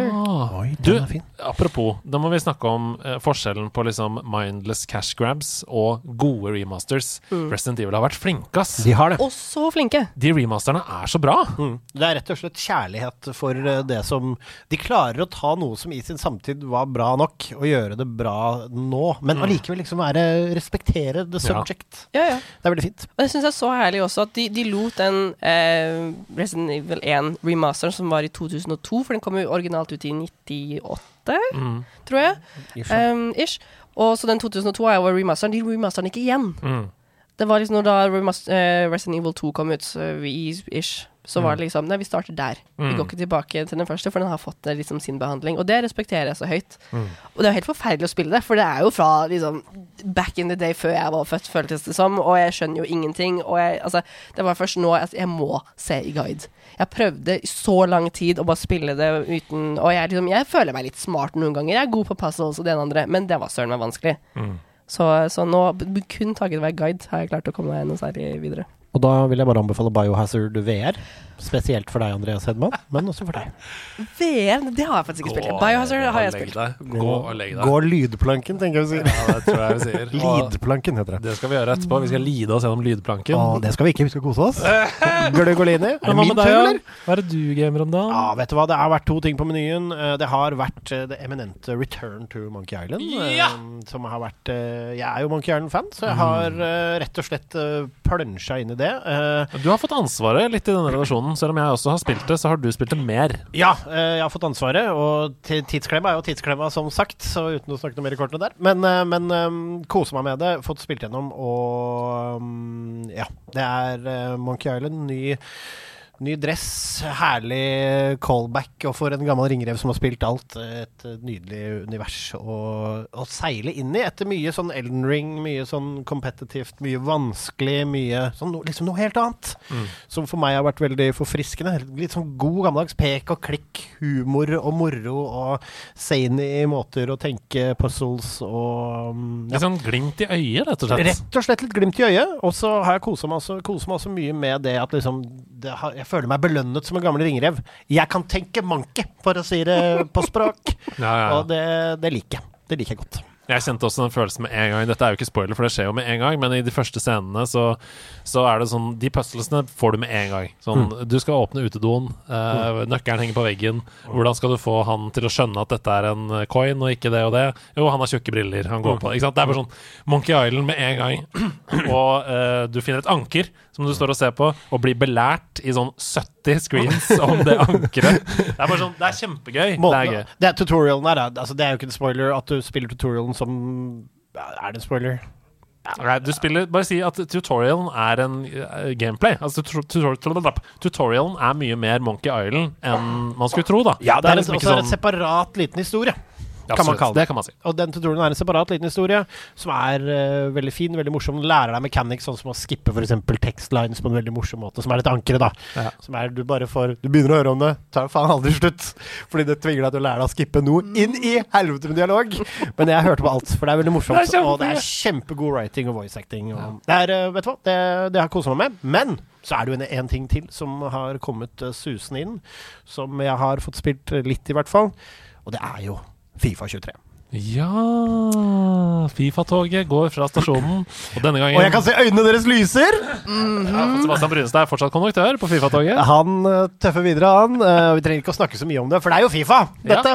Uh, fotball. Eh. Men du, det er litt sånn teorier nå om eh, Om metaen. Den har forandra seg ganske hardt. Sånn ja, det er store endringer. Det er uh, for oss som spiller Altså, jeg spiller utelukkende Ultimate Team, så det må jeg jo bare disklemme. Jeg spiller ikke noe av de andre tingene, så det kan jeg ikke uttale meg om. ikke noe sånn- forhold til Fifa, du? Overhodet ikke. Altså, jeg tror jeg så mitt første fulle sånn Fifa-gameplay på lørdag når vi hadde innspilling om Fifa. liksom det, men, men samtidig, det fikk meg også til å respektere uh, Fifa-spillere. For det var liksom OK, shit, her er det mye gang, altså, Ja, ja, ja. kunnskap osv., men det er fortsatt et tullespill. Anyways. Altså, shots Hvor er den? Altså, tullespillet er hardt. Eh, det er, altså jeg vil kalle det ekstremt skill-basert, men så har du denne Ultimate Team-varianten. da. Hvis du og jeg hadde valgt samme lag, så er det jo selvfølgelig mer eller mindre skill-basert. Som i all sport så er det noe flaks og noe tur og sånne ting. Men i Ultimate Team så bygger du et lag som er pakkebasert. For grusomt lootbox-system som de fortsatt ikke har fiksa, men du får jo i hvert fall bedre tilførsel nå. Jeg budsjetterer det hvert år, så det er en hobby jeg har, så jeg bruker så mye penger på det. Og det er det beløpet jeg skal bruke på det, ikke en krone mer. Og det bruker jeg i det sjiktet av sesongen det, det, det, ut ifra kalenderen. Og det må man gjøre, for ellers kan man bruke en formue uh, på det. Fordi det er potensielt, eller ikke potensielt, det kan være pay to win til en viss grad. Det, ja. det er så bra lag du får, på en måte. Men her har de også gjort noen endringer på det som er kjemisystemet. Som er du bygger et lag, du må ha en kjemi. Før har det vært bånd ut ifra hvilke spillere som er ved siden av hverandre. Men nå er det, gjelder det hele laget, så du kan bygge kjemi på f.eks. Har du en franskmann på topp og en franskmann i mål, så er det to franskmenn på laget. Og da hvis de er fra liga og sånn, så det gjør det Det er en mye mer kompleks måte å bygge kjemi på. Ja, og det, det, er har vi interessant savna. Ja, for Ja. det er en interessant ting som jeg egentlig ikke aldri tenkte over. At eh, kjemi Ja da. Ja, da, ja. Chemistry i, Chemistry i laget. i Og i tillegg så er det, har spillerne posisjoner nå. Så det er ikke sånn at det er helt Alle spillere er ikke nødvendigvis bare satt til at hvis det er en spiss, så kan du dytte han ned til midtbanen. Hvis det er en eh, venstrekant, så kan du bare ha de på venstrekanten. Det er nå spillere som f.eks. både kan spille venstrekant og spiss. Og så er det da disse posisjonsbyttekortene på det og sånn. Så det er mye Det er dypere og et bedre system på det, syns jeg. Mere, blir mer ekte, i anførselstegn. Så det, jeg har begynt å dyppe tærne i det, men det gleder jeg meg til. To ting som jeg skal stille deg spørsmål om nå. Eh, og så skal eh, Sebastian streame Fifa sammen med Komplett på fredag. Så gå inn på Twitch og TV slash Komplett nå og se Sebastian spille Fifa 23 i fire-fem timer på kanalen her. Det blir så gøy! Det, Det, gleder altså, det, det er derfor jeg måtte spille, fordi det Hovmod står for faen, selvfølgelig. Det er et nytt Fifa, ting sitter ikke i hendene. Og så kjenner jeg Altså, våre venner i Komplett er veldig glad i dere, men de har Altså- vel fått inn en eller annen sånn. Gresk Fifa-virtuos som skal Kjenner piske meg jeg Kenneth riktig, så sitter han nå og nispiller for å utfordre det her på fredag. Så Altså- du må forsvare vår ære her. Ja, altså, jeg kommer sikkert til å bli knust, men hvis, uh, hvis jeg blir det, så kommer jeg med en gang til å si det er bare gøy å spille co-op uansett. Futt. Det er jo dritt. Nei, men det, eh, det er to ting jeg lurer på. Og det første er at jeg så en teori, eh, eller det er litt sånn drama, i Fifa-Twitter om dagen. Ja. Fordi man har gjort en del sånn research på metaen, ikke sant? Og Zlatan Ibrahimovic har 31 lavere i pace enn Erling Haaland. Eh, og da vil man jo anta at det har ganske mye å si. Men så har man da tatt Zlatan Ibrahimovic og uh, Haaland ved siden av hverandre. Og så, har- eller ikke ved siden av hverandre, men man har løpt fra den ene siden av banen til den andre, tatt tiden og sett hvor mye lengre tid det tar for Zlatan. Og det tar bare 1,7 sekunder saktere, med 31 lavere i pace. Og det vil jo noen si at det er fordi man ønsker å favorisere eh, Haaland-type spillere, altså store, sterke spillere, og at pacing ikke da har så mye å si lenger. Pace har allerede blitt nerfa. Før var det alfa og omega. Ja. Du spiller med 99. Altså, det er fortsatt mange, men det kommer an på spillestilen din. Du kan spille holding, kan spille uh, mye mer på midten. Du kan spille med gjennombrudd, du kan spille med kraftspillere, spillere som møter med mann i rygg, som venner. Eh, og så har du selvfølgelig, selv om de nødvendigvis ikke bruker så mye forskjellig tid på å løpe over hele banen, så vil jo f.eks. en spiller som Haaland ha et raskere rykk. Ikke sant? Så starten det, altså, hvor, Ja. hvor, altså, det som ofte er viktig for disse spissene som er svære på toppen, er hvor, my, hvor raskt dekker de tre meter. Ja, ikke sant? Ja. Ok, da fikk jeg svar på det. Ja. Det andre spørsmålet mitt er disse power-upsene. Som jeg plutselig har fått med at du kan liksom putte på karakterene dine. Du, du får bonuser som du kan applye, litt som en power-up i Mario Kart. Er det tilbake?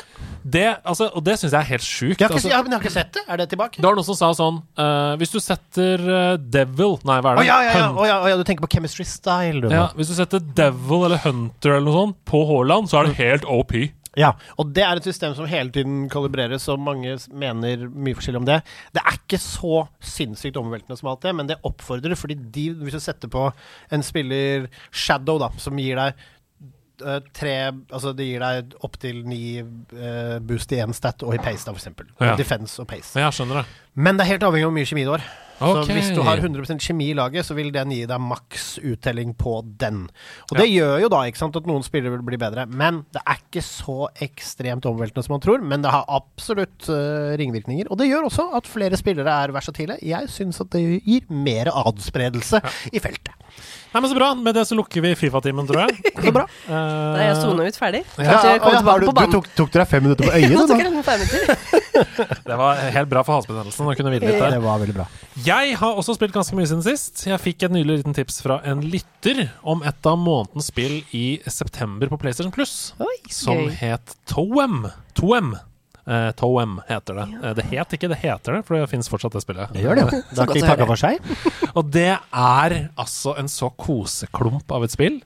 Hellandussen! Så bra det er, og så gøy det er, og så trivelig det er. Det er altså et fotospill. Han er tilbake. Er dette et spill hvor du vanlig går rundt og tar bilder av hus som skal selges? Er det det? Ja! Det er litt som Pokémon i starten. Du Ok. våkner opp, du er en bitte liten dude som skal ut på eventyr. Moren din sier You're ready for the big world now, son. Og det er veldig sånn søt grafikk. Det ser ut som Short Hike. Det fuglespillet hvor du skal gå opp fjellet. Ja, sånn ser det ut, liksom. Eh, og så skal du rett og slett bare jobbe deg gjennom en verden av folk som trenger hjelp. eh, og ta bilder for å hjelpe dem. Ja. Ja. Fotografi redder Ja. verden. Rundt Dette omkring. visste vi. Det, ja, men dette er jo opp til gata, selvfølgelig! Ja! Du er prisvinnende fotograf! Ja! Herregud. Og noe er veldig rett fram. For eksempel så er det noen som sier sånn Jeg er veldig glad i ekorn. Kan du finne et ekorn og ta bilde av ekorn og gi meg bilde av ekorn, takk? Ja, så herregud, Hvis jeg hadde hatt en femmer for hver gang jeg har opplevd det i verden, da hadde jeg hatt mange femmere. ass. Ja. Mens andre ting er litt mer intrikat. da For eksempel så er det sånn My friends are playing hide and seek. Can you find them? Og så må du ta bilde av dem der hvor de er bak. Ok, Så du eh, ødelegger rett og slett en runde hide and seek for noen uskyldige barn? Ja, men eh, det som er gøy med hide and seek, seek er uh, brannfakkel og bli funnet. For da kan man leke ny runde. så Er ikke det beste å vinne? jo, men ok, da. Bli funnet til slutt, da. Ja. Man, Ja, men du vet jo aldri når det er til slutt. Det er jo det som er det skumle. det er veldig trist å ikke bli funnet. Det er der jeg liker boksen går, Fordi der er det, det er mer nerve. Anyways, tilbake til 2M. Eh, det er veldig stilrent. Det er um, Ja, det er like stilrent sånn som uh, spillet jeg refererte til i stad, Short Hike. Det er så koselig, og så er det så lite, på en måte. Eh, og jeg, jeg, likte, jeg likte veldig godt Jeg leste en anmeldelse i IGN som skrev dette her. Det er sitat Toem is small in the way a snow-topped winter cabin is small. Or a sleeping cat is small. Skjønner dere, skjønner dere hva slags lite jeg snakker om da? Wow. er så cozy. It's perfect for snuggling under a blanket on a quiet evening with a scented candle and a mug of coca to finish in one sitting. Det er et sånt spill. Mm. Høstspill. Du lager kakao, tar på deg teppet, og så tenker du på en liten katt som sover, og så tar du noen bilder. Altså, det er helt nydelig skrevet. Altså, jeg har nylig altså, virkelig fått en ny respekt for folk som skriver altså, copywriting. Ja. Det var helt nydelig. Ja, ja, ja. Nei, Hvis du liker short hike, så kommer du til å elske 2M. Det er veldig samme greia. Du starter et sted, du får små quests, og så fullfører du de questene, får noen premier, og går videre, liksom. Og du kan runde det på fem-seks timer. Så Er det noen reelle utfordringer, eller er det mer et sånn send? Nei, det er send. Det er ingen reell utfordring. utfordring i spillet. Da blir ikke det på meg, men eh, det, Det blir det på meg. Det, ja, men jeg gleder meg. Det er sånn som jeg, vet du hva? Det er sånn som jeg kan se speedruns av på, på GameStone Quick, ikke sant? Det er det du kan. Det neste på lista det er heller ikke så veldig vanskelig, men jeg tror det er mer din greie. Fordi okay. du liker Monkey Island. Det er ikke vanskelig Oh, det Ok, da. Det er litt vanskelig innimellom. Ja. Det er greit, det. Men dette heter Pikuniku. Oi, det blir søtere og søtere i dette studio. Like snuggling to a blanket with a warm cup of blankets. Nei, men dette er ikke Pikuniku er mer Pikuniku er mer humor. Det er, mer, det er mer tøys og tull. Det er Det er så gøy. Altså, det er så velskrevet. Det er så morsomt. Du hadde ledd deg i hjel. Det begynner Det begynner med at en rosa sky på to bein sier Pst, kom nærmere. så, så, så på kåt måte Og òg, så kommer du litt nærmere, og så sier du enda nærmere. Kommer du, Er det, er det kommer du enda litt nærmere. Du må komme enda nærmere. Kommer du nærmere. Så fyller nesten den rosa skyen med to bein hele skjermen din. Så sier han Vet du hva jeg liker? Free money! Skjermen i masse her. Free money! Alle liker bare gratis penger! Og så er det bare meg! Det er det ideelle spillet for deg. Dette er jo lagd for deg! Blir det creepy, Er, eller det, hva er, du, det altså, er du i dev-teamet? Er dette her rett og slett Bostad Gaming på laga? Og så, da, etter at den rosa skyen har sagt uh, gratis penger, uh, så får du vite premisset for spillet. Og det er så morsomt at jeg vil ikke spoile det, fordi man har lyst til å vite det sjøl. Poenget er at du er en lite monster som våkner i en hule, uh, bare som en liten klump, en rød klump, og så popper det to bein ut av deg, og så, skal du, så er det et plattformspill. Du skal løpe rundt, hoppe rundt, komme deg over kanter uh, med veldig morsom physics. Du kan når som helst gjøre deg tilbake til en ball og rulle blrr, bortover istedenfor å gå. da. Uh, og du må snakke med folk som tror du er et monster og sier 'jeg gidder ikke å stole på deg før du fikser broa mi'. Om jeg fikser broa her. Og så er det liksom puzzles og plattformspill og masse, masse humor. Rett og Ja. Ja. Og det er eh, gratis på GamePass, eller inkludert i GamePass, Game Pass, som det heter. heter. Det der Hva heter syns jeg hørtes veldig gøy ut. Pikuniku. Pikuniku. Pikuniku. vet du hva? Vet du hva? Ja, men det noteres. er din humor, Seb. Jeg noterer flittig. Free money! Free money! Og alle hjerter gleder seg. Pikuniku, som er Det er taxi-koreansk for free money, er det ikke det? Jo, jo, ja, ja, selvfølgelig. Mandag kveld så sleit jo ikke bare mandag kveld, mandag ettermiddag òg, Telia, som jeg var inne på innledningsvis, over hele landet her. Nettet var nede. I elleve storbyer i Norge. Og da er det ikke så mange storbyer igjen. Nei, det vil jeg si. Hvilke storbyer var det som ikke Nei, skal vi ramse opp, da? Oslo, Trondheim, Ålesund, Bergen, Kristiansand osv. Nå begynner Hei Siri på Mac-en min her å google Det disse er jo klart hun gjør. Det er fordi dette er tilbake. Ja. Nei, men ikke sant, internettet var nede, og, og da tenkte jeg sånn Hva kan jeg spille som er eh, offline?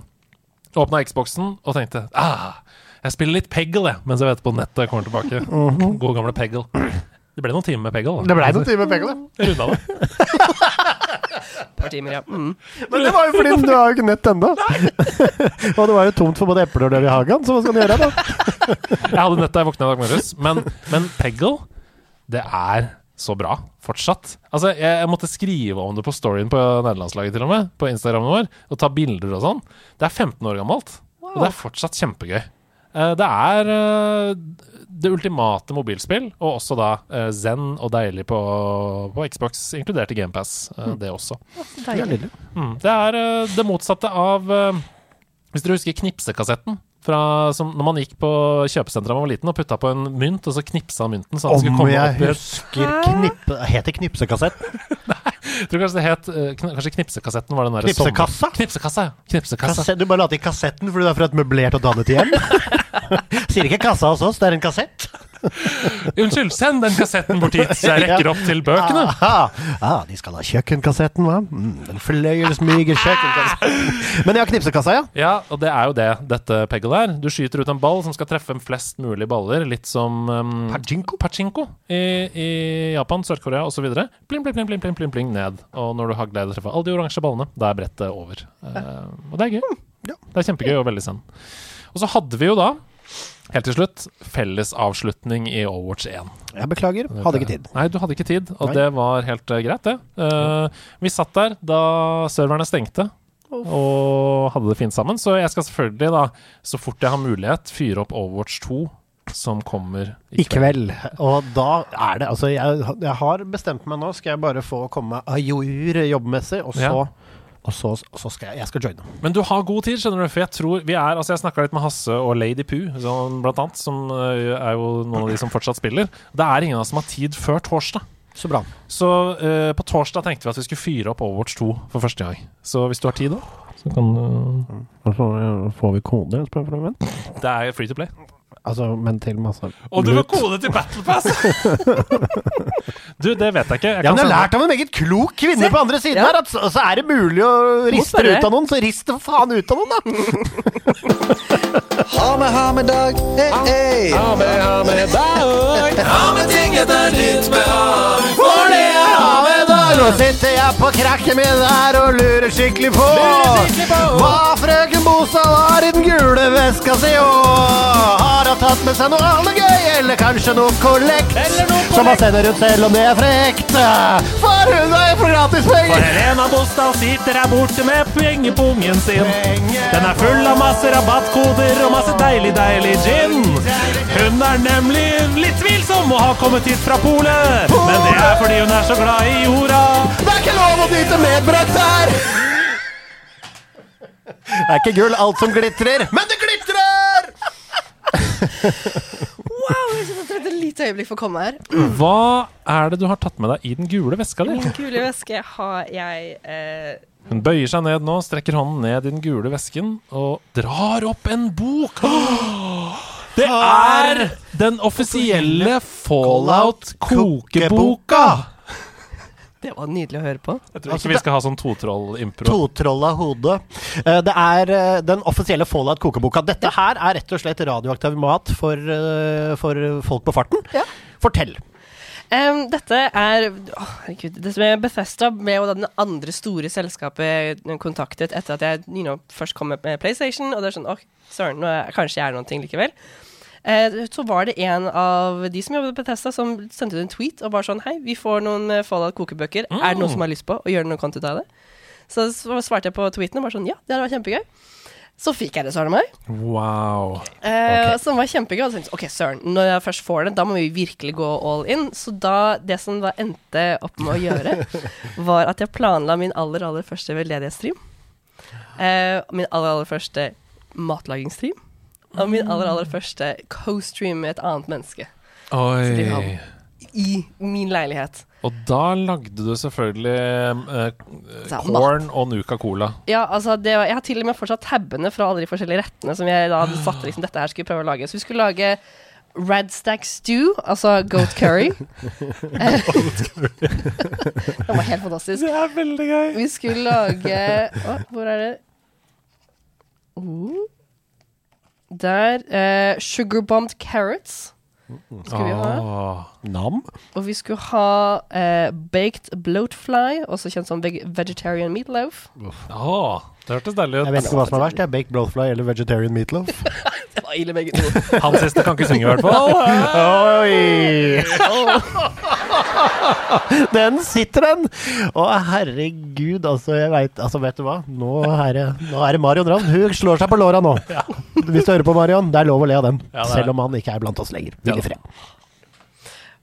Nei, så det, det ble ganske artig. Vi lagde overhodet ikke alt vi hadde planlagt å lage. Eh, min cohost hun er, og, og er fortsatt veganer, så det gjorde jo matlaging bare enda vanskeligere. Mm. Eh, Det ble en god utfordring, eh, og det ble så mye artig. Altså, det ble eh, altså, bakefight, det ble dansing, og det ble Dette var jo en Movember-stream, så vi hadde jo på oss barter. Ja. Um, så det ble en, eh, en improvisert rendition av Let It Go, Bromance Edition. Oi. Flott. Ja, ja. Eh, og på et tidspunkt så kom pappa inn på streamen. Jeg husker ikke hvorfor, han måtte levere et eller annet. Så da kommer han inn på altså, Dette er jo da Jeg bodde sånn at uh, ytterdøra gikk rett inn på kjøkkenet, så han bare åpnet døren og bare alle dager. Her var det ringlight og to-tre kameraer og PC-er. Det ene andre satt på kjøkkenbordet. Det var det merkeligste synet jeg tror noen gang jeg har sett. Forfatteren banker ikke på. Han, han bare kommer. Han kommer, ja. Åpen dør, vet du, hos oss. Så, nei, så han kom inn, og da fikk sagt hei til streamen. Jeg tror han eh, aldri har helt eh, recovered for det siden, men det var sykt gøy. Veldig gøy. Ja. Altså sånne, Jeg må bare legge til at sånne uh, spillkokebøker Jeg syns det er så gøy. Uh, jeg har flere selv, blant annet Darth Malt, uh, okay. som er fra Star Wars. Er det bryggeribok? Ja. Yes, Og både øl, både øl og, og matoppskrifter. Og jeg fikk jo i presang av deg Overwatch-kokeboka! Overwatch-kokeboka! Oh. Ja, ja, Det er veldig full slarical å snakke om den, da. Men Ja, da. eh, jeg har laget et par ting der, eh, blant annet en mac and cheese som var veldig god. Ja da, og jeg har også laget noe fra Ringenes herre-universet. disse kokebøkene. Og grunnen til at jeg snakker litt om dette nå, det er fordi dette er en oppfordring til å invitere vennene sine. Stikk ned på en butikk som har noe sånt som dette, f.eks. Outland. Kjøp en av kokebøkene fra et spill du er glad i, og inviter vennene dine på en helaften. Der hvor dere først spiser en rett fra dette universet, og så spiller dere spillet sammen etterpå. Eller eksempel, som vi gjorde, onsdag kveld fra Hobbytun.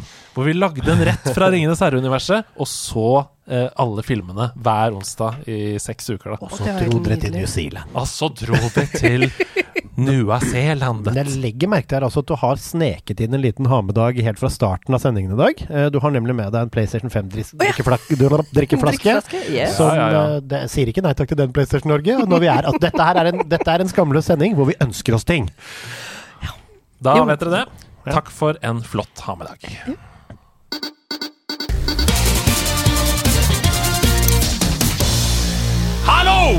Mitt navn er Andreas Hedman, og dette her, det er Nerdenytt.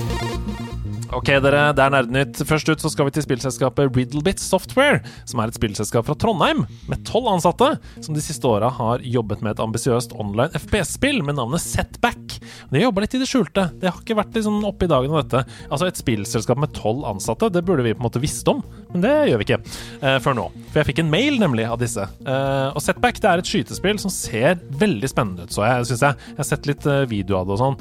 Eh, I stedet for å drepe motstanderne dine, så spoler du dem nemlig tilbake dit de var for sånn tre til fem sekunder siden, når du skyter på dem, da. Eh, så de blir ikke drept, de blir spolt tilbake i tid. Og det er en stor ulempe i dette spillet, for modusene man konkurrerer i, de har objekter som handler om mobilitet. Eksempel løp fort, fortest dit, ikke sant. Og da må du hele tiden eh, risk reward. Skal du gå for objektivet, skal du skyte på de andre for å sette de tilbake, ikke sant. Sånne ting. Eh, det ser litt ut som en blanding av PVP i Destiny 2, sånn arenamessig, og Mirror's Edge. Elsker Mirror's Edge. Ja! Åh. Det er noe sånn her deilig movement-aktig, og så skyter du hverandre. Men det høres Eh, ikke noe ut som den derre Er det supershot eller ja, superhot? super hot! Super hot! Super hot! En gang, til. Super Hot. Så er det masse ulike våpen og masse power-ups å plukke opp. og sånn underveis. Og Grunnen til at vi tar med dette her nå, i denne sendingen, det er at det er en gratis multiplayer-demo av Setback som er mulig å spille hele den uka her. Ah. På Steam Next Festival. Og Steam Next Festival det er basically det det høres ut som. Det er en feiring av masse spill som er i utvikling, og muligheten til å teste dem da, mens de er i utvikling. Så gå inn der, sjekk ut Setback, sjekk ut masse andre spill, og husk at disse er i utvikling. Så forsøk å se ideen i bånn her, fremfor polish. Ikke si sånn at det var, det var gøy, men det var dritdårlig grafikk. Ja, det er ikke så rart. Det er i utvikling. Ikke gå review-bomb metakritikk. Please. Gi det en sjanse.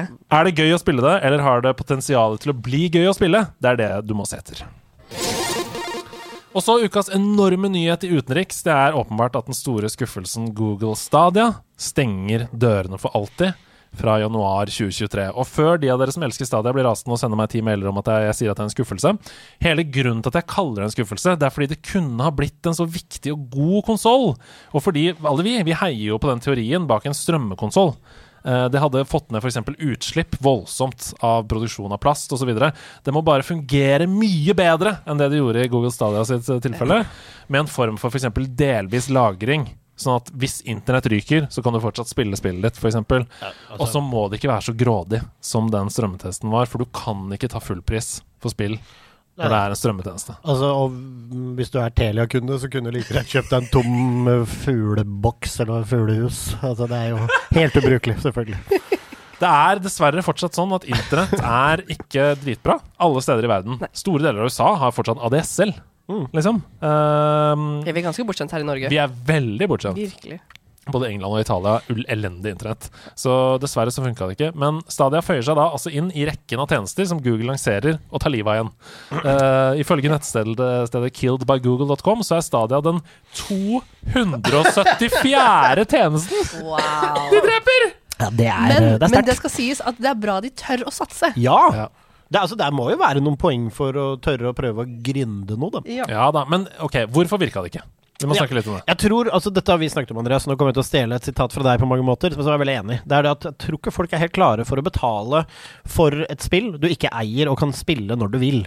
Selvfølgelig Noen spill er online-basert, og du er nødt til å ha internett, men det å kjøpe, det å skulle strømme altså nå, eneste jeg kommer på, er liksom altså Hvis du tar Crash Bandicoot, da.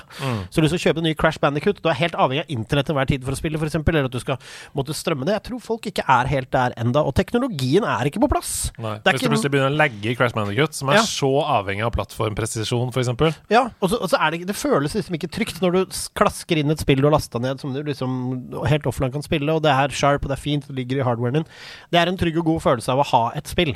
Så jeg tror rett og slett det er et altså, For meg så ligger problemet i at jeg stoler ikke på det. Ikke Nei, sant? Altså, da, at du, at du blir liksom ikke helt trygg, og det finnes bedre tilbud. Så er ikke, var det vel ikke så innmari mye billigere heller, var det det, da? Nei da. Altså, spillene kosta det samme som på PlayStation, f.eks. Ja, da er det jo latterlig! Ja. Ja, ja.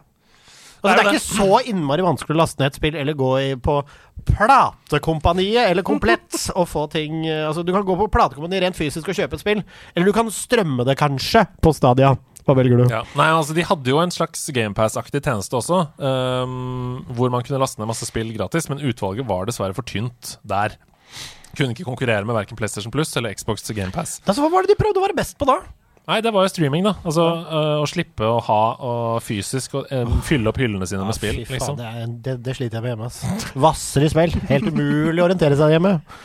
Men det Ja. blir jo vanskelig når de ikke har et sånn unikt selling point, for du måtte jo også i tillegg kjøpe en eller annen form for konsoll eller kontroller eller et eller annet type ting, måtte man ikke det? Jo, man måtte kjøpe seg en Chromecast Ja. og en håndkontroll som Ja. følger med. Og det er jo, jeg tror både PlayStation og Xbox har jo en form for strømmetjeneste Mm. av spill allerede. Så, Absolutt. de hadde ikke akkurat så fryktelig mye nytt i den forstand å kunne tilby. Nei.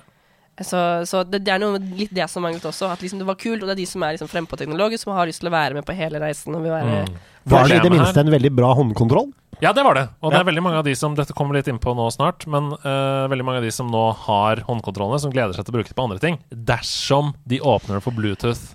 Fordi det fins ikke- Du må bruke det kabla uh, enn så lenge. Det er ingen som har Det kommer sannsynligvis en community-hack ikke sant, som åpner den Bluetoothen for andre tjenester. Sannsynligvis.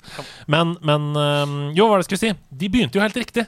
Fordi de uh, etablerte jo to egne spillstudioer som bare skulle lage spill til Ja. Google Stadia. Og det er jo riktig vei å gå. Ja. Da får man jo et selling point. Ikke sant? Mm -hmm. Hvis det kommer en ny IP som folk elsker, til konsollen din. Sånn at du må ha Google Stadia for å spille det spillet. Men de la jo ned dem, de to spillstudiene, etter bare et år. før de rakk å gi ut noen ting. Wow. Altså, dette, dette følte Dette er en eh, dette, dette, var en, dette var en sjuk geitekilling fra fødselen av, dette. Ja, Det er veldig trist, fordi Google har jo midlene. ikke sant? De er verdens største selskap, nesten. De hadde, de hadde pengene til å satse på dette og gå med tap i ti år, liksom. Og absolutt. Og, du- og tenk på all den researchen de har hatt, og all den dataen de har i forhold til ok, men hva slags type spill er det faktisk som kunne ha slått an. Altså, det, Tenk så mye Ja. de kunne Ja, ha klart sant, å lage. det. Men tror du ikke de tenker da at det å drive dette her og prøve å konkurrere med PlayStation Xbox, Ja. at det kanskje ikke er så veldig mye poeng, at vi heller kan bruke de pengene på å utvikle spill, hvis det er det vi på død og liv vil uansett. Eller gjenopplive Google Plus, vårt sosiale medium. Jeg satse på det isteden. Ok, eh, Det vi i hvert fall skal gi dem en enorm klapp på skulderen og applaus for, det er at de er uventa sjenerøst, egentlig, refunderer 100% av alle kjøp. Oi! Og det er, Det er veldig bra. Det er riktig, og det er når du først skroter noe, så der kunne man gått på en smell. Ja. Så der er, kan man ikke gjøre annet enn å sende to tomler opp i deres retning. Ikke liksom bare spill man har kjøpt. De refunderer også Chromecasts. De refunderer kjøp av kontrollere. Så det betyr jo det var f.eks. en på nederlandslag community som nå sier nå har jeg utstyr for 6000 kroner. Gratis. Jeg har fire håndkontrollere og to Chromecasts som jeg har fått gratis. da Ja, Og Det er fantastisk. for Chromecast kan du bruke masse. Nettopp. Um, så du kan bruke disse gode kontrollene til å spille på PC, f.eks. eksempel Og du kan bruke Chromecast og streame ting til TV-en din. Og, og sånne ting Så det er jo veldig applaus når man først skal legge ned noe. Eller så kan du bruke den kontrollen som en slags bokstøtte for alle de grusomme spillene du fysisk har på hylla. Insider Gaming hevder i en ny reportasje at God of War Ragnarok vil ta spillere ca. 40 timer å fullføre. Der Main Quest utgjør ca. 20 timer. eh, og Sidequest og ekstrainnhold utgjør ca. 20 timer. Så det gjør med andre ord Main Quest ca. like lang som det forrige spillet, men øker mengden Sidequests fra 12 ish timer til 20 timer. Hva tenker du om dette her? Syns dere at eh, forrige spillet hadde fin scope, fin størrelse? Er dere fornøyd med at det er ca. ish samme på Main Quest? Jeg er glad det ikke har blitt så mye større, altså Main Quest, for å være helt ærlig, for det, det blir man litt lei av. Altså det, det at at spillutviklere kommer med liksom Å, det er 100 timer med gameplay, er litt sånn OK, men takk, Ja, det er ikke nødvendigvis bedre. Nei, Mm. det er ikke det. Så, så nei, jeg er ganske happy med det. Um, for jeg tror det blir det blir mest interessant i forhold til hvordan er det de utnytter de timene. Altså hvor mye bra innhold er det i forhold til storytelling, er det en god pace? For det er Jeg merket litt grann på det på den første God of War at på slutten så var jeg liksom OK, men nå er jeg bare klar for Mm. the end. Ja, Men jeg vet ikke om det var pga. selve storyen, eller om det var mest pga. Uh, vet, at jeg streamet det. At det var liksom Ok, nå begynte jeg bare å bli litt lei av å, å være live og spille det. Og Ja, ikke spille det, For det er jo en jobb. Du er jo Det tar jo mye mer ut av deg når du spiller Når du, når du har en liten forestilling ved siden av. Ja. Mm. Uh, men nei, så jeg er helt enig. Jeg syns det er godt oppsummert. Jeg er litt enig. Jeg synes det der eh, Det høres helt riktig ut for meg. Ja, jeg gleder meg noe voldsomt. Men om det stemmer, da, disse timeantallet, det gjenstår å se. God of War Ragnarok er bare én måned unna det. Jeg gleder meg. Sånn. Kommer til PlayStation den 9. november. Andri Korzinkin, som gikk under online-navnet Nizrock, han har vært en stor og viktig brikke i utviklingen av Metro-spillene. Eh, jobbet som animatør, lagde en enorm mengde animasjonene i Metro-spillene for det ukrainske spillselskapet 4A Games. I forrige uke så ble han drept av russiske styrker i deres invasjon av Ukraina. Jeg siterer da pressemeldingen her. Andriy Gorozinkin died while performing a combat mission in the struggle for independence, sovereignty, and territorial integrity of Ukraine. A talented animator, incredible person, and a real hero. Andriy was inspired by the work of Cory Barlog and was impressed by the quality of direction and cinematography, cinematography of God of War.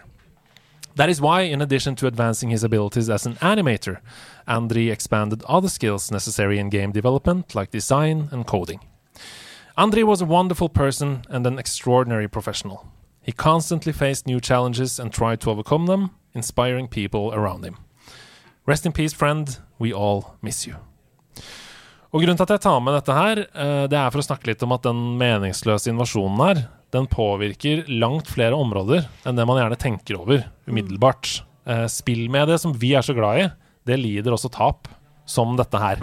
Alle lider. Det er ikke så mye mer å si om det, annet enn at det føltes viktig for meg å ta det med. Eh, og så må vi bare fortsette å snakke om disse tingene. Gjøre det vi kan. Støtte opp om det ukrainske folket i denne invasjonen. Eh, og kjøpe Metro 3 da, når det kommer. Eller det neste Ja. Metro-spillet. Ja, nei, altså det, det var ikke noe hyggelig. Nei, det er knalltøft. Det er vanskelig å snakke om det. Det vi må snakke litt om, det er ukas største eller mest spennende spillutgivelser. Og først ut er Dakar Desert Rally, eh, som kommer allerede i dag, tirsdag 4. oktober, til PlayStation, Xbox og PC. Og det her tok meg litt på senga. Jeg syns det ser sabla bra ut. Det ser rett og slett ut som et slags Gran Turismo møter VRC. Husker dere gamle VRC? Det spilte jeg mye. Ja! Ja. På PlayStation 2 og 3 der kanskje også, til og med. En av de spillene som jeg og fattern virkelig bonda over. Eh, og satt og kjørte mot hverandres Ghost. Ja, for det er det! Og når den ene hadde ghostet, så var det ikke lov for den andre å spille, gjerne. For da, da var det sånn, Jeg husker en gang så satt jeg et Ghost, så fattern satt en hel natt og prøvde, og prøvde å knekke. Hvor det går her, da?' På morgenen! Gode dager. Men det dette er gått meg hus forbi. Ja, så, men istedenfor VRC så er det Dakar Rally du kjører her, da. Så det er jo over 30 etapper å kjøre, som er basert på de siste sesongene, altså de siste to-tre årene fra Dakar Rally. Og så er det et hav av små justeringer, sånn Gran Turismo-wise, du kan gå inn og gjøre til bilene dine og kose deg i garasjen. Og, det der. og så kan du spille både singleplayer og competitivt online. Uh, Er dette også da liksom Er det så enduro hele veien, eller er det liksom litt juksa til så det er mulig å spille litt bite-sized også, kanskje? Ja, det er jo etapper, da. Så jeg, jeg vil jo anta at de er uh, komprimerte. At Ja. ikke du spiller i seks timer, liksom. Ja, det var det jeg tenkte. Det er lite tilgjengelig i hverdagen. Ja, Men akkurat som i Dakar, så kan du da kjøre med f.eks. en haug av ulike motorsykler. Du kan kjøre med biler, du kan kjøre med buggies. Altså masse forskjellige typer ting. da Åh, tenkte, altså det, der, jeg har ikke, det må jeg sjekke ut, Fordi jeg kjenner litt på meg nå. Liksom bare ligge liksom over dyna Ja. der spiller, og bare de der lange det er hoppene de har akkurat og sånn. det. Og, og de der gameplay-kommentarvideoene på YouTube. Altså, Folk er så hypa. De skriver sånn 'This is how to do a gameplay-trailer' og sånn. Og det ser Var det Codemasters du sa det var? Det veit jeg ikke. For er det ikke de som pleier å rallye det til? Ja, mulig. Jeg veit ikke. Det er i hvert fall Det kommer til både PlayStation, Xbox og PC eh, i dag. Tirsdag 4. oktober. Det må sjekkes ut. Overwatch 2 kommer også ut i dag. Hello! Men det vet dere allerede. Alle konsoller og PC i kveld klokka ni. Mm. Så Nine Years of Shadows kommer ut neste mandag 10. oktober på Switch og PC. Og for de som hylte av glede over Metroid Dread, her er det mye mer å kose seg med. Oh, ja, så ja. Ja, for dette her, det er et Metroidvania om jeg noen gang har sett et Metroidvania! Ok, er det rett og slett et nytt Metroid? Det er nesten det. Hvor du spiller som Simon fra Castlevania? Altså, det ser ut rent grafisk som Owlboy. Det er supertro til sånn pixel-grafikk eh, og Castlevania-aktig.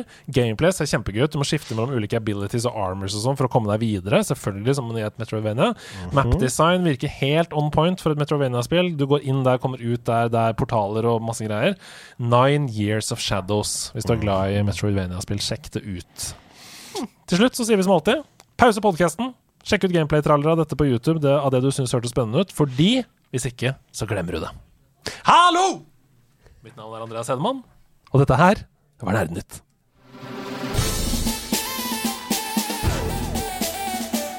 Gå lydplanken. Dere to pirater på min skute! Nå skal dere ut på lydplanken! ja! Og Helena, jeg ser du kroer deg og groer deg til dette. Er det bare å grue seg? Ja! Er det, pa- er det piratversjonen å grue seg og grue seg? Ok, jeg skjønner. Kroe seg og groe Og grue, som de sier på skuta, da. Det er skutespråk. I går Lydplanken så skal jeg spille av musikk fra ulike spill. Og dere skal rope ut når dere skjønner hvilket spill det er fra. Um, da skal dere rope ut! Helena! Dette er uh, det og det spillet. Ja. Uh, Jeg tror, altså, dette tror jeg du kommer til å vinne, for jeg får så jernteppe à la Grande. Altså, à la Grande, men det som er at jeg pleide å være innmari god i noe som het Bit for bit. Mm, og så kom uh, av og til nå, så spiller vi lydplanken isteden. Der er jeg abysmalt dårlig. Og det som uh, er så bra med Lydplanken, det er at selv om du er dårlig på å gjenkjenne musikk fra spill, så er det et oppfølgingsspørsmål knytta til spillet. Så der kan du hente inn din quiz-kunnskaper hvis du klarer det. Så det, jeg tror jeg bare spiller av den første låta her. Husk å rope navnet når dere vet hvilket spill vi skal til. Og det er lov å gjette. Det er lov å gjette. Det er lov å gjette.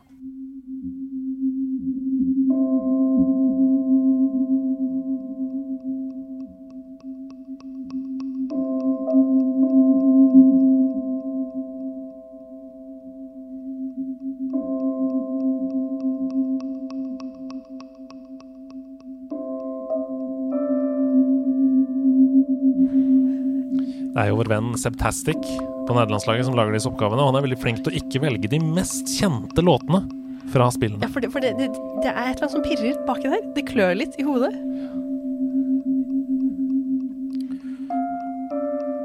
Moderne lyddesign, i hvert fall. Å, er det, er det um, Husk å si navnet. ev- Everybody's Gone to the Rapture? Å, det er ikke det, men det er i samme gate! Å, herregud. Seb! What remains of Edith Finch? Ja!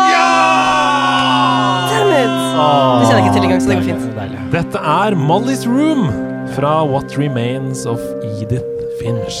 Altså, jeg hadde ikke husket det, jeg hadde ikke husket det hvis ikke du ah, Det var deilig. Det var deilig at du tok feil, men jeg skjønte at du skjønte det.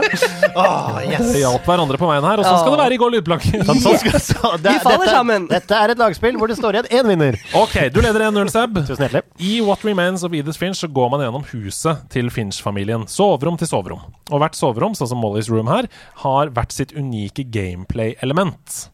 Hvor mange familiemedlemmers historie spiller man gjennom i spillet dersom man går gjennom alle rommene? Eh, Seb? Ja. Fem. Da har du svart fem, Ja. og så vil jeg ha et svar fra deg også, Helena. Og så er det den som kommer nærmest, som får poenget. Syv.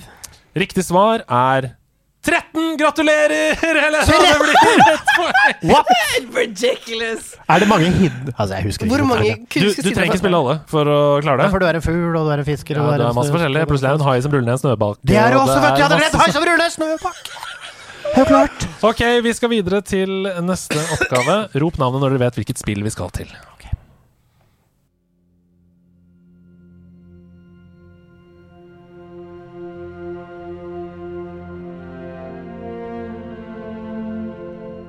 Er det Destiny? Nei. Fuck. Husk å rope navnet ditt. Å oh, ja.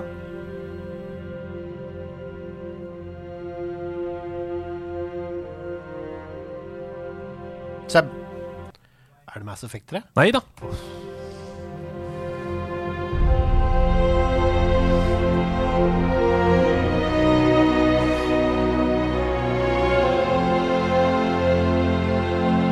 Ah!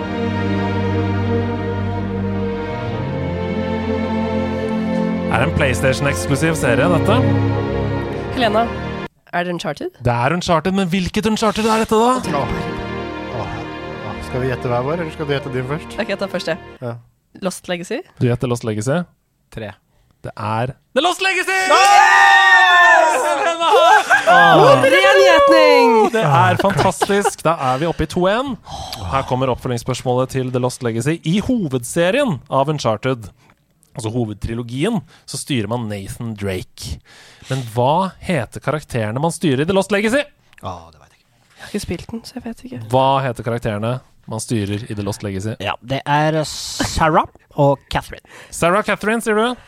Uh, Ned og Fiona.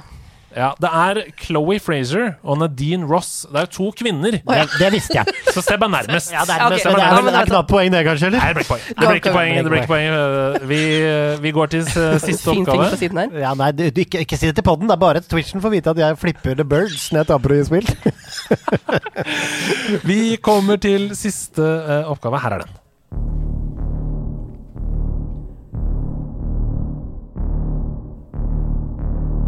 Det er Darkness. Seb!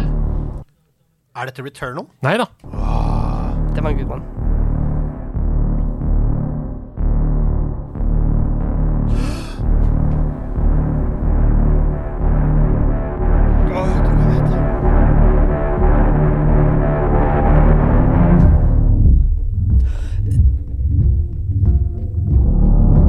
Jeg tror jeg vet. Helena, er det Doom? Nei. Seb! Ja. Er det Dead Space? Nei. Åh. Dette er Dette spillet forvent... Du forbinder ikke dette spillet med den musikken, og det er det som gjør denne scenen helt Unnskyld språket jævlig.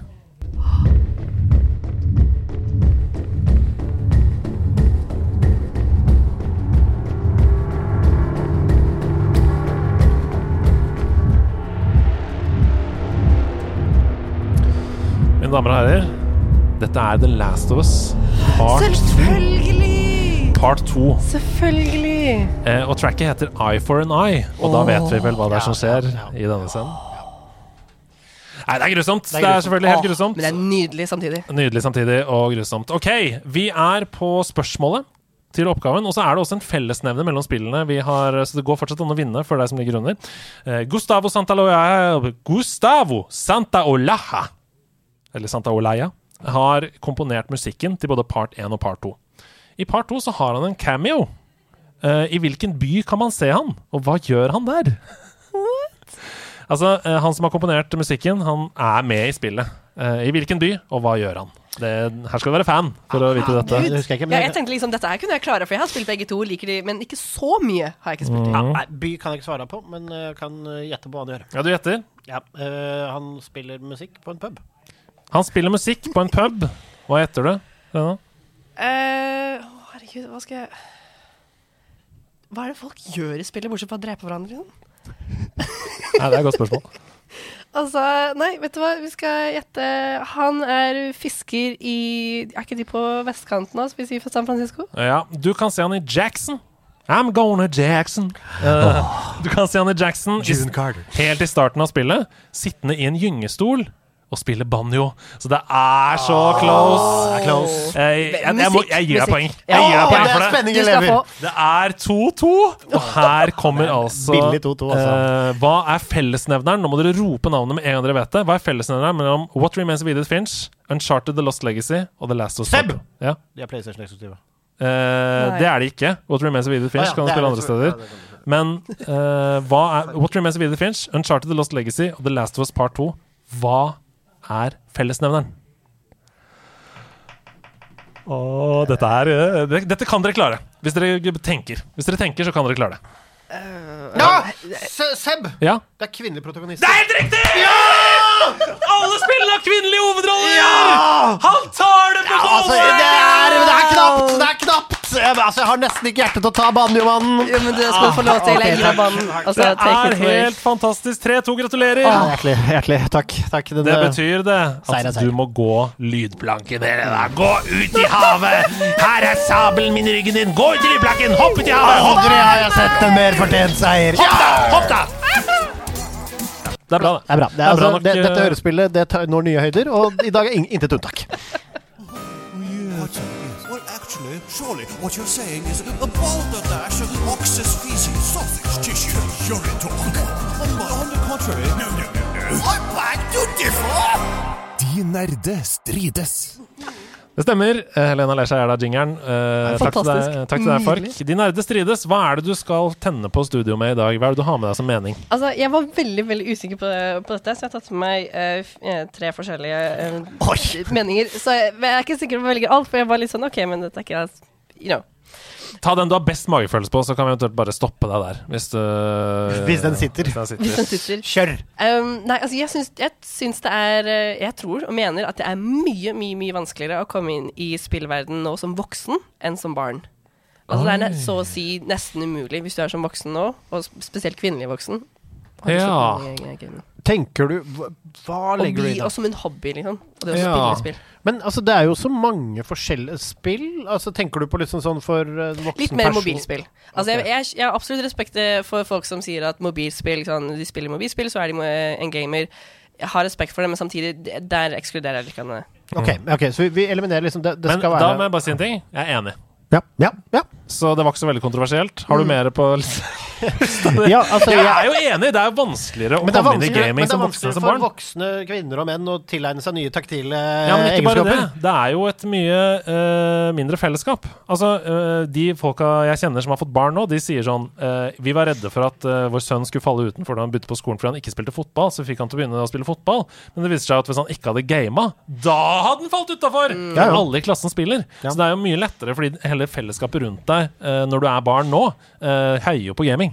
Og Så- ikke bare det, men det er jo altså hele gaming. For det er, det er så mange ting som man ikke skjønner er Man blir opplært med. Ja. Sånn som at X-hopping, man beveger Ja, seg ja, liksom ja, side side med ja. spak osv. Det er så mange sånne uskrevne regler at man bare vokser opp med. At kommer man helt blank inn, så er det så mange ting Det, Det er det er terskelen. Ja, terskelen er. En ting er sikkert, jeg skal gruse mine hypotetiske kids i alle spill så lenge revmatismen holder seg tilbake. Få neste mening. Um, jo, du vet jo litt grann det. Altså, jeg har jo mye mer respekt for folk som spiller sånn chillespill, enn folk som spiller sportsspill. Altså, sportsspill er Yes, altså, come on! Ja, altså, jeg innmari respekt, fordi gud forby at det finnes noe konkurranse i dette samfunnet. Konkurranse, til og med. Nei, det handler om skills. Altså, ja, du sier det, det er, det er litt sånn skills-basert, men altså, tenk, sånn, selv med I chillespill det er så motsetning til What Remains of Edith Finch, da, eller? Høytrykksspillsimulator, er det noe mer? Altså, i motsetning til å bli viva av Pette sitt 900 ganger for å edge en boss. Altså, jeg skjønner ikke hey, hey, hey. Tålmodighet. Ja, Tålmodighet. ok, tålmod. Men nå må du få taletid. Unnskyld. Hva er det du mener her? Du har mye mer respekt for de som spiller chillespill, Ja, enn for de som og spiller React-spill. Også selv, som ta for eksempel Stardew Valley og Animal Crossing og alle de greiene Mhm. der. Altså, det er så mye strategi og altså, ressursmanagement osv. I så motsetning til Fifa. Jo, faen, altså, Du mener at det krever en annen tålmodighet og en annen på en måte gjennomføringsevne og stayervilje enn Ja. f.eks. sportsspill? da Er det det du sier? Ja, og jeg føler liksom sportsspill også. Det er, man kjenner det fra før. Det er virkelig ikke så avansert. Man skal liksom skyte den ballen inn i mål. Altså, det ikke, altså, altså kan jeg bare si at det er ikke mastermind å få en ny venn på en jævla øy som er bamsefjes og plukke noen reddiker heller, altså. Det er bare, jeg bare kaster det ut. Altså, nå, nå, nå, på ingen måte altså, Dette mener jeg sånn i forhold til mange ting. Jeg skjønner en send spillopplevelse, og jeg spiller jo ikke bare sportsspill på noen som helst måte. Men å si at det står mer respekt av å spille Animal Crossing sånn rent teknisk-taktisk enn det gjør av å være jævlig god i Fifa, som noen for eksempel Jo, kan men bli jeg føler som De som spiller Fifa, de spiller gjer- gjerne som oftest Altså obviously ikke du, da, men de spiller som oftest nesten bare Fifa eller Fifa og COD. Ja, det gjør jeg ikke. Det gjør jeg ikke på noen måte. du. Men det er sånn, de andre spillene de spiller så mye mer. Altså, de åpner seg opp for så mye mer sånn spilleopplevelser. Oh, ja, så du mener at du er, de er small-minded? Det er det du Ja, mener? det blir liksom det blir verre og verre! Altså, Hei, du kalte meg dårlig gamer tidligere. jeg, har aldri kalt deg dårlig gamer. Jeg har kalt deg en utrolig grådig pengesvindler. Wow, det var plass på såret, tusen takk. Jeg har aldri kalt det, eh, Vet du hva? Okay. Det, hvis, hvis du har hatt inntrykk av å kalle deg en dårlig gamer, det trekker jeg tilbake, for det har jeg ikke kalt det. Eh, Men, og det var bare tull, du er ikke grådig. Men, men, eh, men jeg skjønner hva du mener, at du kan få liksom mer utvida horisonten din litt. da Hvis du ikke bare sitter og trykker i et type spill, og det er jeg for så vidt enig i. Ja. Men det er sagt, så er jeg ikke på noen som helst eh, enig i at de som bare spiller COD eller bare spiller Fifa, er noe teknisk dårligere. Og så er mitt spørsmål hvorfor må vi sette det ene opp mot det andre, egentlig? Fordi dette er det nerde strides, Andreas. din, din konfliktsky lille rakker. Hvorfor må vi krangle i denne spalten? Dette er en kranglespalte, Andreas! Ok, det er en kranglespalte. Kan jeg spørre om en ting? Handler dette kanskje om Du sa i stad at du så Fifa for første gang på lørdag. Handler det om lite innsikt i sporten? Handler om at det er dumt, Janne. Nei! Er det ikke bare elleve mann som løper etter en ball, dette?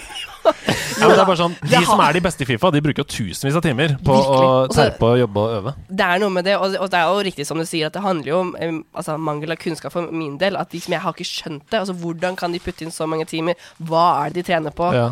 Eh, og hvorfor er det så utrolig interessant? Så det Ja. har noe med det at liksom, jeg kjenner meg ikke igjen i det, jeg kan ikke forstå det.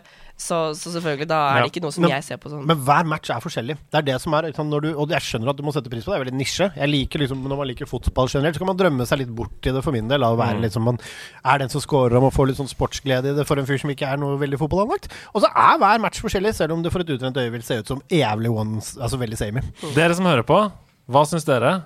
Har dere mer respekt for folk som har en bred spillpalett, som spiller alle typer spill, enn de som er eliteutøvere i ett spill? Diskuter med vennene deres Altså, ja.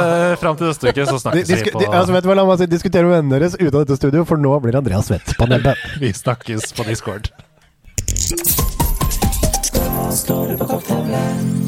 Nei, hva står det, mon tro, på korktavla? Den er svær, den tavla. Ja, det henger jo masse lapper her, og det kommer uh, stadig nye fra uke til uke. Vi prøver desperat å rive ned så mange som mulig, men det kommer hele tiden nye opp. Jeg lurer på hvem det er som henger dem opp. Ja, og prøver vi også Er det KP? Ja, og vi prøver desperat også å få råd til et kamera til i studio, så dere kan se den korktavla for dere som følger med live på Twitch. Fordi den er jo rett ute for bildet Vi trenger litt flere patrons før det går an, så gå inn på Patron og støtt oss. Så at vi kan ok, greit. Vi har lært av de beste. I forrige episode så ble det kasta litt kaktuser Blizzard sin vei pga. måten de gjemmer heroes bak Battle Pass og progresjon på i Overwatch 2. Men det samme har jo Apex gjort helt fra starten av. Da kan ikke jeg minnes hvert fall at dette har blitt tatt opp som noe negativt av dere. Er det fordi vi har blitt vant med at alt er låst opp av fra starten fra Overwatch 1? Er det derfor dette oppleves som en negativ greie? Jeg syns personlig ikke det er noe galt det med å gjemme noe av gameplay bak en gratis vegg, så lenge den ikke er helt umenneskelig stor. Eh, Kjøttet går, videre. Hilsen Andreas. Altså, For min del så handler det om den gratisgreia Den er fordi de som spiller aller mest, skal få lov til å få det uansett. Og sånn at du, all, altså, du aldri kan forsvare at du får, den, eh, at du får det gratis. Du, må kan jo bare få det gratis. For noen er det, vil det være umulig, for du har ikke tid. Eh, og da har du låst noe content bak en betalingsmur. Det etablert så er det jo et free to play-spill, og det er nå ennå sånn at cash is king, og for å få invest i ting og hvordan money talks, så er det klart at dette er veien vi går. Og da kommer det for meg helt an på hva det koster, Ja. og hvor alfa og omega de heltene er i metaen. Ja, fordi problemet mitt er at Apex er jo ikke et lagspill i samme grad som det Overwatch er. Apex er et spill der hvor det er mulig å carry alene. Ja, du er en loadout med tre personer, og ja, man hjelper hverandre til en viss grad, men Ultimates for eksempel er jo helt avgjørende i Overwatch. Det er det jo ikke i Apex. Eh, det vil si at du kan spille mer eller mindre ulike heroes og ikke være noe svakere i metaen, mm. så lenge det går på skills. Overwatch er et hero-basert spill. Det er først og fremst heroes det handler om. Det er det som vipper kampen i en og annen retning. Du skifter hero underveis i kampen, fordi 'Å ja, nå spiller de Bastion. Da må jeg spille Roadog.' Eller 'Å ja, de spiller Bastion. Det er useless for meg å spille Reinhardt'. Hvis du da ikke har tilgang til den heroen som man må swappe til, det er et problem. I Ja, er mye større grad enn i Men Apex. blir ikke, jeg, jeg er ikke så veldig kjent i den FPS-verdenen, men de kunne jo hatt en sånn approach som Valorant har, hvor Mm. du type kan gjennom og gameplay og experience type spare opp til å unlocke en specific hero. Som for eksempel, nå har jeg lyst til å spille en healer, tar vi den. Og du kan det. Det bare tar 15 timer. Det ligger bak Ja. level 55 i gamepasset, eller bak å kjøpe det med en gang. Ikke sant? Men hva, kommer, hva er prisen her? Ikke sant? Fordi da, altså Det er litt sånn som ja, det vet vi ikke. Vi vet faktisk ikke hva prisen på Battle Pass er. Før for det det har mye å si. Ja, det har veldig mye å si. Og jeg tenker sånn som man Altså, man tenker jo på spill veldig sånn at å, nå, det kjøper man, eller altså disse lootboxene og sånn, som er veldig sånn gamblete, sånn som i Fifa eksempel, som må trekke fram sjøl. Der må jeg budsjettere. Men det kan jeg fort gjøre i Overwatch også. Ja. Og da må man begynne å se litt på det som å, Holder du på med golf? Ja, det koster mye penger, liksom. Ja. Ok, jeg er enig. Uh, oppfordring til Superseb. Jeg har spilt en del Fifa opp igjennom, men alltid karrieremode. Jeg starta med FUT nå i mai, da Fifa 22 var gratis på PlayStation Plus. Og jeg har forhåndsbestilt Fifa 23. Det hadde vært veldig fint om du kunne dele litt tanker om hvordan man starter. Hvilke tips, triks har du? Hvordan bruker du Fifa-poengene du fikk for Ultimate Edition, eksempel best? mm. Kjøper du pakker eller drafts? Jeg spiller for det meste enspillerdraft eller squad battles. Kom meg opp på divisjon 6 på Fifa 22, men kjenner veldig på noe av det samme sinnet som Stian har hatt, selv om jeg ikke har ødelagt noe bord ennå. Koser meg gløgg med podden deres. keeper opp. Hilsen Morten. Jeg tror at eh, et tips eh, rett ut vil bli å se på komplettstreamen den syvende. Det tror jeg jeg skal få tatt eh, Tror jeg vi skal snakke litt om akkurat det der, jeg. Mm. Fordi det tror jeg er fint. Og så går det også an, hvis du har noen konkrete spørsmål, så ta og at meg i en Fifa-bås på discorden til nederlandslaget, og så svarer jeg når for tid. Her kommer det et uh, spørsmål direkte til deg. Oh, wow. Kjære nederlandslaget, takk for timevis med ørekos og gode vibber. Hva er deres tips til en som akkurat har begynt å streame? Jeg har fått veldig sansen for det, men jeg trenger alt av tips til f.eks. alt fra hva, hvilke program jeg bør bruke, og hva som er et must. Altså de tre viktigste tingene når jeg streamer. Hilsen DSP. Uh, BS Streamlabs. ja, det er så utrolig vanskelig å svare på, for det, man trenger så mye mer informasjon. Eh, egentlig, altså, hva, Hvor er det det butter hen? Altså, handler det om det at det, er- det er skummelt å snakke på kamera? Handler det om det at eh, Nei, jeg vet ikke helt hva man skal spille? Handler det om det at Nei, jeg vet ikke helt hvordan å sette opp streamen osv.? Eller handler det om in- increase growth, f.eks. Ja. Altså ved publikum. Ja, ja, men det har så mange sånne små Altså, for increase growth, det, det har så mange aspekter. Altså For Ja. det første så må jo selvfølgelig streamen være bra. Så Ja. det må være bra kvalitet på både lyd og, bi eh, og bilde. Så du må bruke riktig program, selvfølgelig. Altså Jeg foretrekker OBS, eh, og, men det er jeg skjønner at all, det kan være litt sånn teknisk vanskelig og litt skummelt, så da er den Streamlabs OBS eh, noe som andre som foretrekker. Så det er litt sånn Det er bare for å oversette litt som iPhone og Android. Streamlabs har eh, mange sånne løsninger som bare right off the bat. Trykk her, liksom, så setter du det opp. OBS er mer manuelt. Du kan gjøre mer custom ting. Eh, så det kan kanskje være greit å begynne i Streamlabs og flytte seg over i OBS etter hvert, f.eks. Ja, det kan være et godt triks. Men, men så er det jo et eller annet med som jeg tror gjelder nesten alt sånn content man skal lage. Jeg tror du bare må like å gjøre det, og gjøre det. Det er jo en mengdetrening i det, liksom. Altså, det rent teknisk med automatkamera, en mic. Og så liksom når du har det på plass, så jeg tror jeg liksom Før det er viktigere å tenke på donasjonsmål og hvordan du skal få folk til å komme inn og sånn, så tror jeg det du må ha lyst til, er å sette deg ned og gjøre det du skal gjøre. Om det er en pratestream om brettspill, eller om det er å game noe mens du prater. Gjør det, er vel kanskje tips. Å, absolutt. Og, og jeg tror det er så vanskelig å svare på, på også, fordi at på en side så har jeg lyst til å si liksom ikke stream for lenge. Eh, Sånn, ikke ta sånn seks streamers dager og bare stream liksom hver eneste dag så opp så mye, for det klarer du ikke i lengden uansett. Men samtidig så var det litt sånn Det var sånn jeg begynte selv også. Bare streamte mye, for da oppdager folk deg på ut, tid og utide. Eh, og så får du bare skalere det ned etter hvert som du vokser. Um, og så blir det i forhold til liksom, Ja, hva, hva er det du skal streame? Har ingenting å si. Spill det du syns er gøy. Spill det du syns er gøy. Det er akkurat det. Ja. Jeg har nesten ingenting å si i begynnelsen, for det handler så mye mer om altså Med mindre du er skikkelig god, liksom som deg i forhold til Fifa, du har det skills, og du kan lære bort. Altså, jeg er ikke så rå i Fifa. Så Jo, jo, nå bygger du det opp. Nå kler jeg meg veldig til å se den komplette Altså, streamen. du, Altså. jeg bare prøver å si at jeg ikke er inkompetent som menneske og gamer fordi jeg spiller Fifa. Ok, dere. Vi tar det siste spørsmålet her. Hvilken spillserie fortjener å dø? Har vi fått nok av Call of Duty, Need for Speed, Fifa eller lignende? Hvilken spillserie fortjener å dø? spør Maverick Myth. Oh, jeg føler altså jeg, blir Eller Maverick Myth. jeg får ufrivillig ambassadørflossen til Fifa nå. Jeg merker at det er en som sitter og koker bort på hjørnet der. Svarer et spill en mener skal dø. Du kan begynne. Nei, vet du hva, jeg, jeg skal la deg få lov til å ha den, altså. Um, ah, Vet du hva? Jeg har ett. Ja, Eh, og det er um, å, Hva er det det heter? da? Det er det bilspillet Er det Drive Club det heter? Herregud, eksisterer det fortsatt? Fordi det kom jo, og så var det sånn wow! Kjempebra Nei, Project Cars er det jeg snakker om! Project Cars. Det kom, og jeg ble veldig veldig hypa, for det var sånn Gran Turismo-nerden har laget sitt eget spill! Eh, og det var kjempebra. Project Cars 1. Veldig sånn kjærlighet til spill. Nå har det bare sklidd ut i bare drit og mikrotransaksjoner, og det er ikke simulator. Det handler om eh, Altså, det er en dårlig Forsa, på en måte. Den serien kan dø. Project Cars, legg det ned! Legg det ned og begynn å jobbe i eh, Polyphony Digital for Gran Turismo isteden. Det kan jeg godt stelle meg bak. Noen Nei. andre ting? Er det noe Mario-spill? Doktor Mario? Er dere lei av det nå? Altså, det- Ikke mer Tetris? Off, det, er, det er vondt å melde. Det syns jeg. Det er, har du utspilt sin rett da, Tetris? Altså, vet du hva? Jeg, jeg føler at jeg har noen ting som jeg av og til ser, som jeg irriterer meg over, men nå klarer jeg ikke å komme på det. Klarer ikke å komme på det. Altså, sånn, det, det føles ut som når- altså, det er noen spill som kvernes ut hvert år, og det er litt sånn altså billettmerk Fifa. For eksempel, jeg kunne godt tenke meg liksom at du kunne lagd noe som het Fifa, som eller hadde noen sånne roster changes, og som du kunne bygge opp, og som du kunne holde deg. Så akkurat det der at det årlige launchen av det hvor alt nulles ut, det kunne jeg godt uh, sett bli Dø, borte. ja, ja. Altså mer en endring enn en liksom total abolishment av serien. Men Ja, sånn lag liksom en fet hub hvor du liksom kan bygge deg opp stats og altså, ikke, Slutt å prøve Altså, ikke lat som at alt er så jævlig nytt. Det er sånn Nå er det total control 9000! Bare, nei, det er det samme! Det er nesten helt likt. Ja, det er litt forskjellig. Det er litt forskjellig. Ny taktikk, liksom. Det kunne vært en delelse. Og en reskin, så kunne man heller hatt en oppgradering av Battle Passes og kanskje noen spillere som gikk ned i level og bla, bla, bla. For Hvis vi Ja. kunne hatt noe sånt, så hadde jeg vært helt enig med f.eks. Assassin's Creed, og sånn, som jeg tror eh, de kommer til å prøve å gjøre en eller annen form for sånn massive hub Assassin's Creed, og så blir det bare jobbe på hele tiden. For nå så blir det litt sånn OK, det kommer ut nytt spill hele tiden, men det er ikke så mye forskjell. Ja, ellers så syns jeg også det begynner å holde fra det Legend og Zelda-greiene nå. Nei, nei, nei, nei, nei, nei, nei, det er tøys! Det er tøys! Det var bare for å riste buret ditt. Det var bare for å riste i buret. Bare okay. tull. Bare Tusen takk for at du nappet ned uh, lapper fra korktavla. Ja. Vi skal til Seoul, vi. Fordi Hidio Kojima han har dratt på ferie.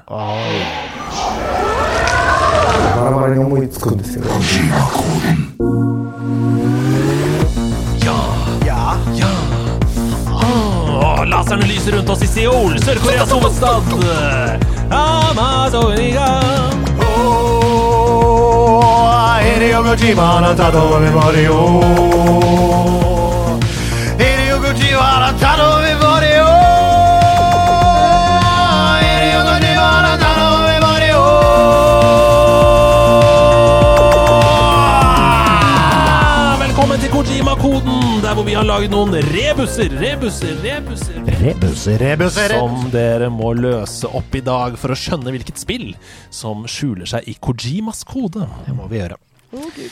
Aller først skal dere to slå hodene sammen skal for å skjønne Hidio Kojima, som har tatt boligen i opp-ned-kors. Opp ned korsen body! Det er ikke min body! Okay. Den gamle satanisten, hvordan går man? Ja, det går bra med en. Han koser seg nedi Halden her. Ja, herregud. Å, satanistenes høyborg. Brenner kjerke på camping, ja, campinga. Ok, Camping, da. her kommer første kodeledd. Okay. Hvis dere klarer det nå, så får dere tre poeng. Oi. Når døden dør og jenta er bortført, blir korset et våpen og synder avslørt. Når døden dør og jenta er bortført, blir korset et våpen og synder avslørt. Oh, dette Du vet det spillet hvor det er et lysende kors som skyter sånn prrr, Kanskje en sånn Å, ja. roguelike-aktig greie, er det det? Ok, Nei, jeg, jeg tenkte på Outlast eller Resident Evil, jeg får være helt ærlig. Det kan det også være. Men ja, nei, det hørtes mye mer Ja, for når døden dør Det er, altså, det er vel at du må ta over som døden Ja, jeg tror jeg vet hva dette er! Åh, eller kanskje jeg ikke vet i det hele tatt. Ja, Men jeg har troa på deg. Ok, men, men jeg, jeg husker jo ikke hva det heter. Er det? Heter det Priest? Nei. Ja, jeg tror vi trenger et lite svar her nå. Um, Vi går for ja, skal, ja, altså, jeg, jeg vet ikke, jeg vet ikke hva det heter. Kanskje jeg er helt på jordet. Kanskje du har helt rett. Nei, men jeg, jeg Vi stoler på deg. Vi kan prøve på pr Priest eller noe Priest. sånt. Priest, ja. Det er feil. Det betyr at dere får et ledd til. Okay. Og hvis dere klarer det nå, så får dere to poeng. okay. Som dere kan bruke i Korv-Jima-boden. Og på pølser. Ja. I sirkler Sorry. Nå har jeg litt I sirkler så store, men ikke av liv. Et gårdsredskap er ditt insentiv. Når døden dør og jenta er bortført, blir korset våpen og synder avslørt. I sirkler så store, men ikke av liv. Et gårdsredskap er ditt insentiv. Ja, Mannen med ljåen er død. Det er en Ja. ljå! Ja. Hva heter det? Scythe? Heter det det? Scythe? Scythe? Scythe, ja. Er det et spill? Ja, fordi jeg husker ikke hva dette heter. men Jeg føler du skyter lysende kors. Altså, er det et nytt spill? Er det scoren, liksom? Nei, men jeg har, ikke, jeg, har ikke, jeg har ikke peiling på hva det spillet er. I sirkler, ikke sant. Det er, dette føles som en roguelike hvor du skyter kors, hvor du er ute etter en ja som heter Scythe, og, på engelsk. Men jeg husker ikke hva det spillet heter. Men jeg tror jeg vet hvilket spill det er uten å vite hva det heter, fordi alt stemmer. Bare jeg vet hva det heter. Oh, ok, ok. Det er jo litt frustrerende. Jeg ville kalt det, det er veldig frustrerende. Jeg ville Ja. kalt det, Jeg tror er jeg på sporet? Ja. Jeg vet ikke. Nei, ok, skal vi si kanskje. Scythe? Jeg føler la oss det er gjøre et navn på et spill, og det er et gårdsredskap er ditt insentiv. Det er en Mm. ljå, Re Grim Reaper, Scythe. Ja, det er eh, også feil. Her er siste ledd. Ok, la oss håpe. Et flammehav og et voldsomt remedie. Er det siste hint du får til denne guddommelige komedie? Å, dette er EAs gode gamle klassikerspill! Dante sin Ferdo, er det ikke det? Ja, ja, jeg tenkte på det i starten! Jeg tenkte det spillet har ikke blåst blå støv av! Dante Sebs! Dante Sebs! Altså, den guddommelige komedien! Altså, det spillet spilte jeg. Det er et kjempedårlig spill på mange måter! Og en av de få som spilte det! Det er altså, som Opp skriver her, basert på The Divine Comedy, hvor Dante dreper mannen med ljåen, og bruker ljåen som et våpen og kjemper seg gjennom de ni sirklene i helvete på jakt etter kjæresten sin, som er kidnappet av Satan. Okay, det var Altså, jeg skulle jo skjønt at det er historien vi hører, men jeg ble så opp i mitt eget uh, rektum av dette korset som jeg så for meg, så skjøt mange små kors. Ikke si rektum og kors i samme setning. Ja, vi, ja, vi har da vitterlig sett Eksorsisten, det er gjort før. Men, uh, men, uh, Men men så gøy! Det er jo en av de spillene som jeg faktisk var kjempeglad i, for jeg var en pretensiøs drittunge som hadde skæroppgaven min på Den, den guddommelige komedie. Selvfølgelig. Wow. Jeg elsker den, elsker den Elsker. boka. Men, Men, ja. gratulerer, da ble det ett poeng til dere begge to. Clutch! Clutch! Clutch. Clutch. Altså, all... Har vi noen flere Kojima-koder? Om vi vi har en Kojima-kode? Åh, vi Oi, har oi, en oi, oi. til, Her er det bare to Da tar, vi, da tar vi den med to ledd, og så prøver vi nå å bli enige sammen. Okay. Okay, okay. En kamp mot det onde i to dimensjoner. En nyhetsdebatt i hver by og hver havn. En grafikkpioner med feilstavet navn. Oi, ok, to dimensjoner. Det er 2D. 2D, ja. En grafikkpioner med feilstavet navn. En kamp mot det onde i to dimensjoner. En nyhetsdebatt i hver by og hver havn. En grafikkpioner med feilstavet navn. Jeg har ikke peiling. Altså, jeg har bare lyst til å si liksom eh, Undertale, men det har jo ingenting med, med det å gjøre, for det er ikke en Ja. grafikkpioner. Nei, men det er jo en grafikkpioner, fordi det er så eh, dårlig grafikk. på en måte. Men det er også to dimensjoner, fordi det er jo da over og under bakken uh, i Undertale. Ja. Uh, men det er jo ikke feilstavet. Nei. Undertale Med mindre man refererer til at det er hale istedenfor eventyr. Altså Undertale. Ja. Uh, men det kan ikke være nei. Det er jo et er Undertale jo- fordi det er under overflaten. Vi får nesten få et svar her nå, dere. Ja, vi, vi må lenger tilbake i tid. I eh, Ja. To dimensjoner. Nyhetsdebatt i hver havn. Jeg skjønner ikke hva det er. Er det liksom sånn I når du hver by og hver havn. Oi! Jeg vet hva det er. Oi, ja. Jeg tror kanskje jeg vet hva det er. Okay. Er det noe Turtles? Fordi der er det sånn nyhetssending hver gang man kommer til en ny bane. Er det Turtles in Time? Nei! Åh. Ok, da tar vi del to. OK, ok. godt gjetta. Blod og fordervelse stinket av det. Var du edgy og kul, så måtte du ha det. Et spark midt i trynet og to fingre i æva, så trekker jeg ryggraden din hardt ut av ræva. Det er Mortal Kombat. Ja, det Må være det. den, ja, det må være det. Det må Er det denne svaret, dere? Ja! Det blir to poeng! Ja! Det er Mortal Kombat! Det blir vel ett poeng fort. Fordi det bare var Nei, men det er jo to poeng i Ett poeng! Er poeng, poeng! poeng! Det blir ei pølse på deg, Ling. Det betyr at vi fikk oss en pølse hver. Du fikk deg to pølser, du. Det gjorde du. Ja, Det, det må du huske til nederlandslagets sommeravslutning. Fordi du kan bytte inn. Jeg fikk to pølser. Jeg fikk to i- pølser. Gratulerer, dere. Det er altså den første mm, episoden i oktober. Og det betyr at vi har én siste spalte igjen før vi skal gå hjem.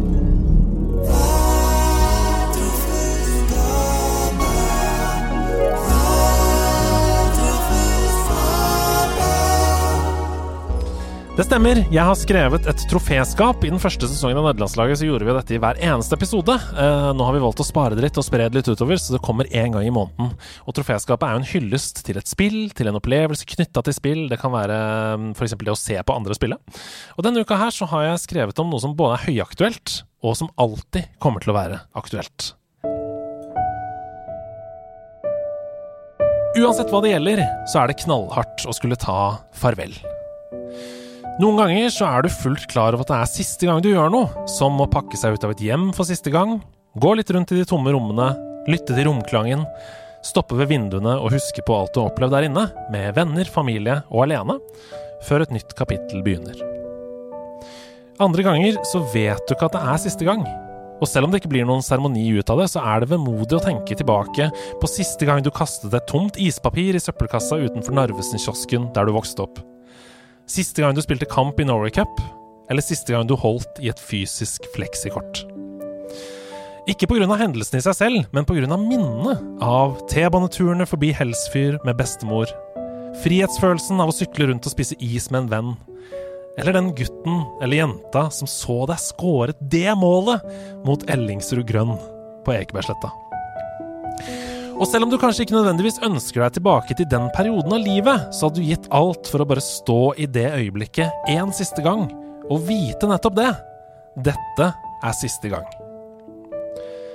Da vi var yngre, så var det sjelden noen andre som bestemte på vegne av oss når det var siste gang vi spilte et spill.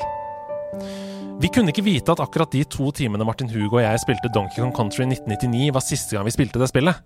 Fordi det ikke stemte heller. Jeg har tatt opp Donkey Kong Country flere ganger i voksen alder, og derfor så føltes det ikke som et endelig farvel til et spill den gangen.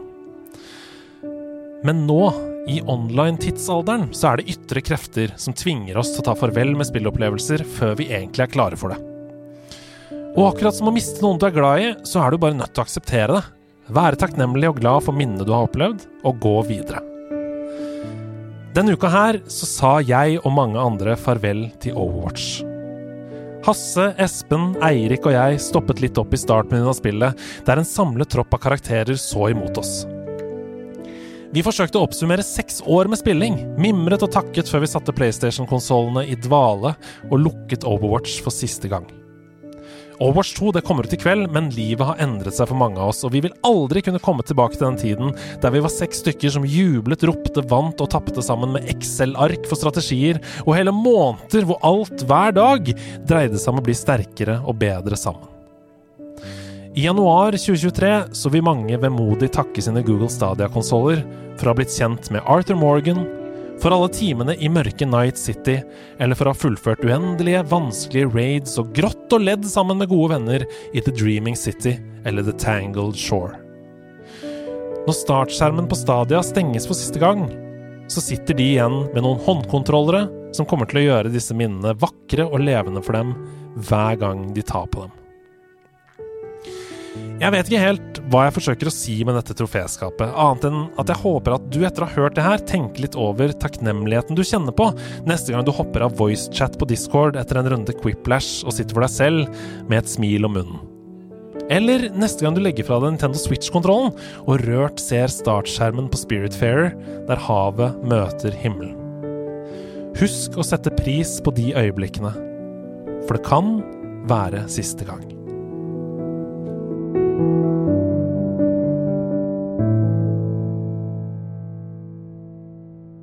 Altså, det er alltid vanskelig Ja, å komme inn etterpå. Jeg ble rørt på ordentlig.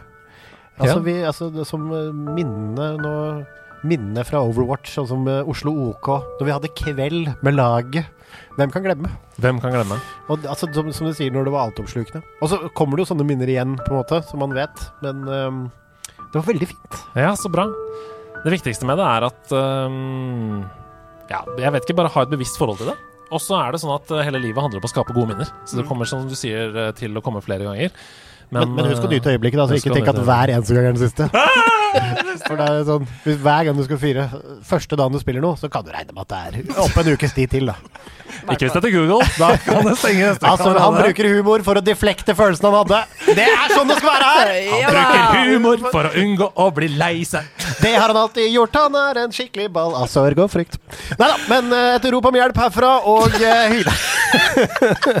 Tusen takk for en nydelig episode av Nederlandslaget. Tusen tusen takk til deg, Helena, som kom hit. Jo, tusen takk som inviterte. Det var helt nydelig. Nydelig par timer. Jeg så det var noen i chatten her som skrev oppover My God! Den beste gjesten dere har hatt så langt. Nei, tull. Det var meget hyggelig. Det er Godt levert. Og jeg har, uh, har ikke stått i så mye kritikk. Jeg har ikke delt ut så mye hets, så jeg føler at det har vært temperatur. Ja, vet du hva, jeg synes Det har vært deilig. Det, har, det er deilig når man kan gi og ta litt. Ja, det er bra, det. det, er bra. Hvor kan vi finne deg? Hvor kan vi se mer til deg framover? Jo, du, det er på Twitch og Insta og Twitter. Jeg elsker Twitter. Oh my god. Det er noe av det beste som fins. Hva heter du der? Det er Johoi på alt, vet du. Johoi! Altså, skal, du, skal Johoi komme inn og droppe noen egne emojis i eh, discorden vår også, eller? Du er på laget nå, du veit det? Ja, det er på laget nå. Ja. Klart det. Ok, dere, da har vi bare én ting å si vi til neste uke. Johoi! Johoi! Tjoho! På taxikoreansk.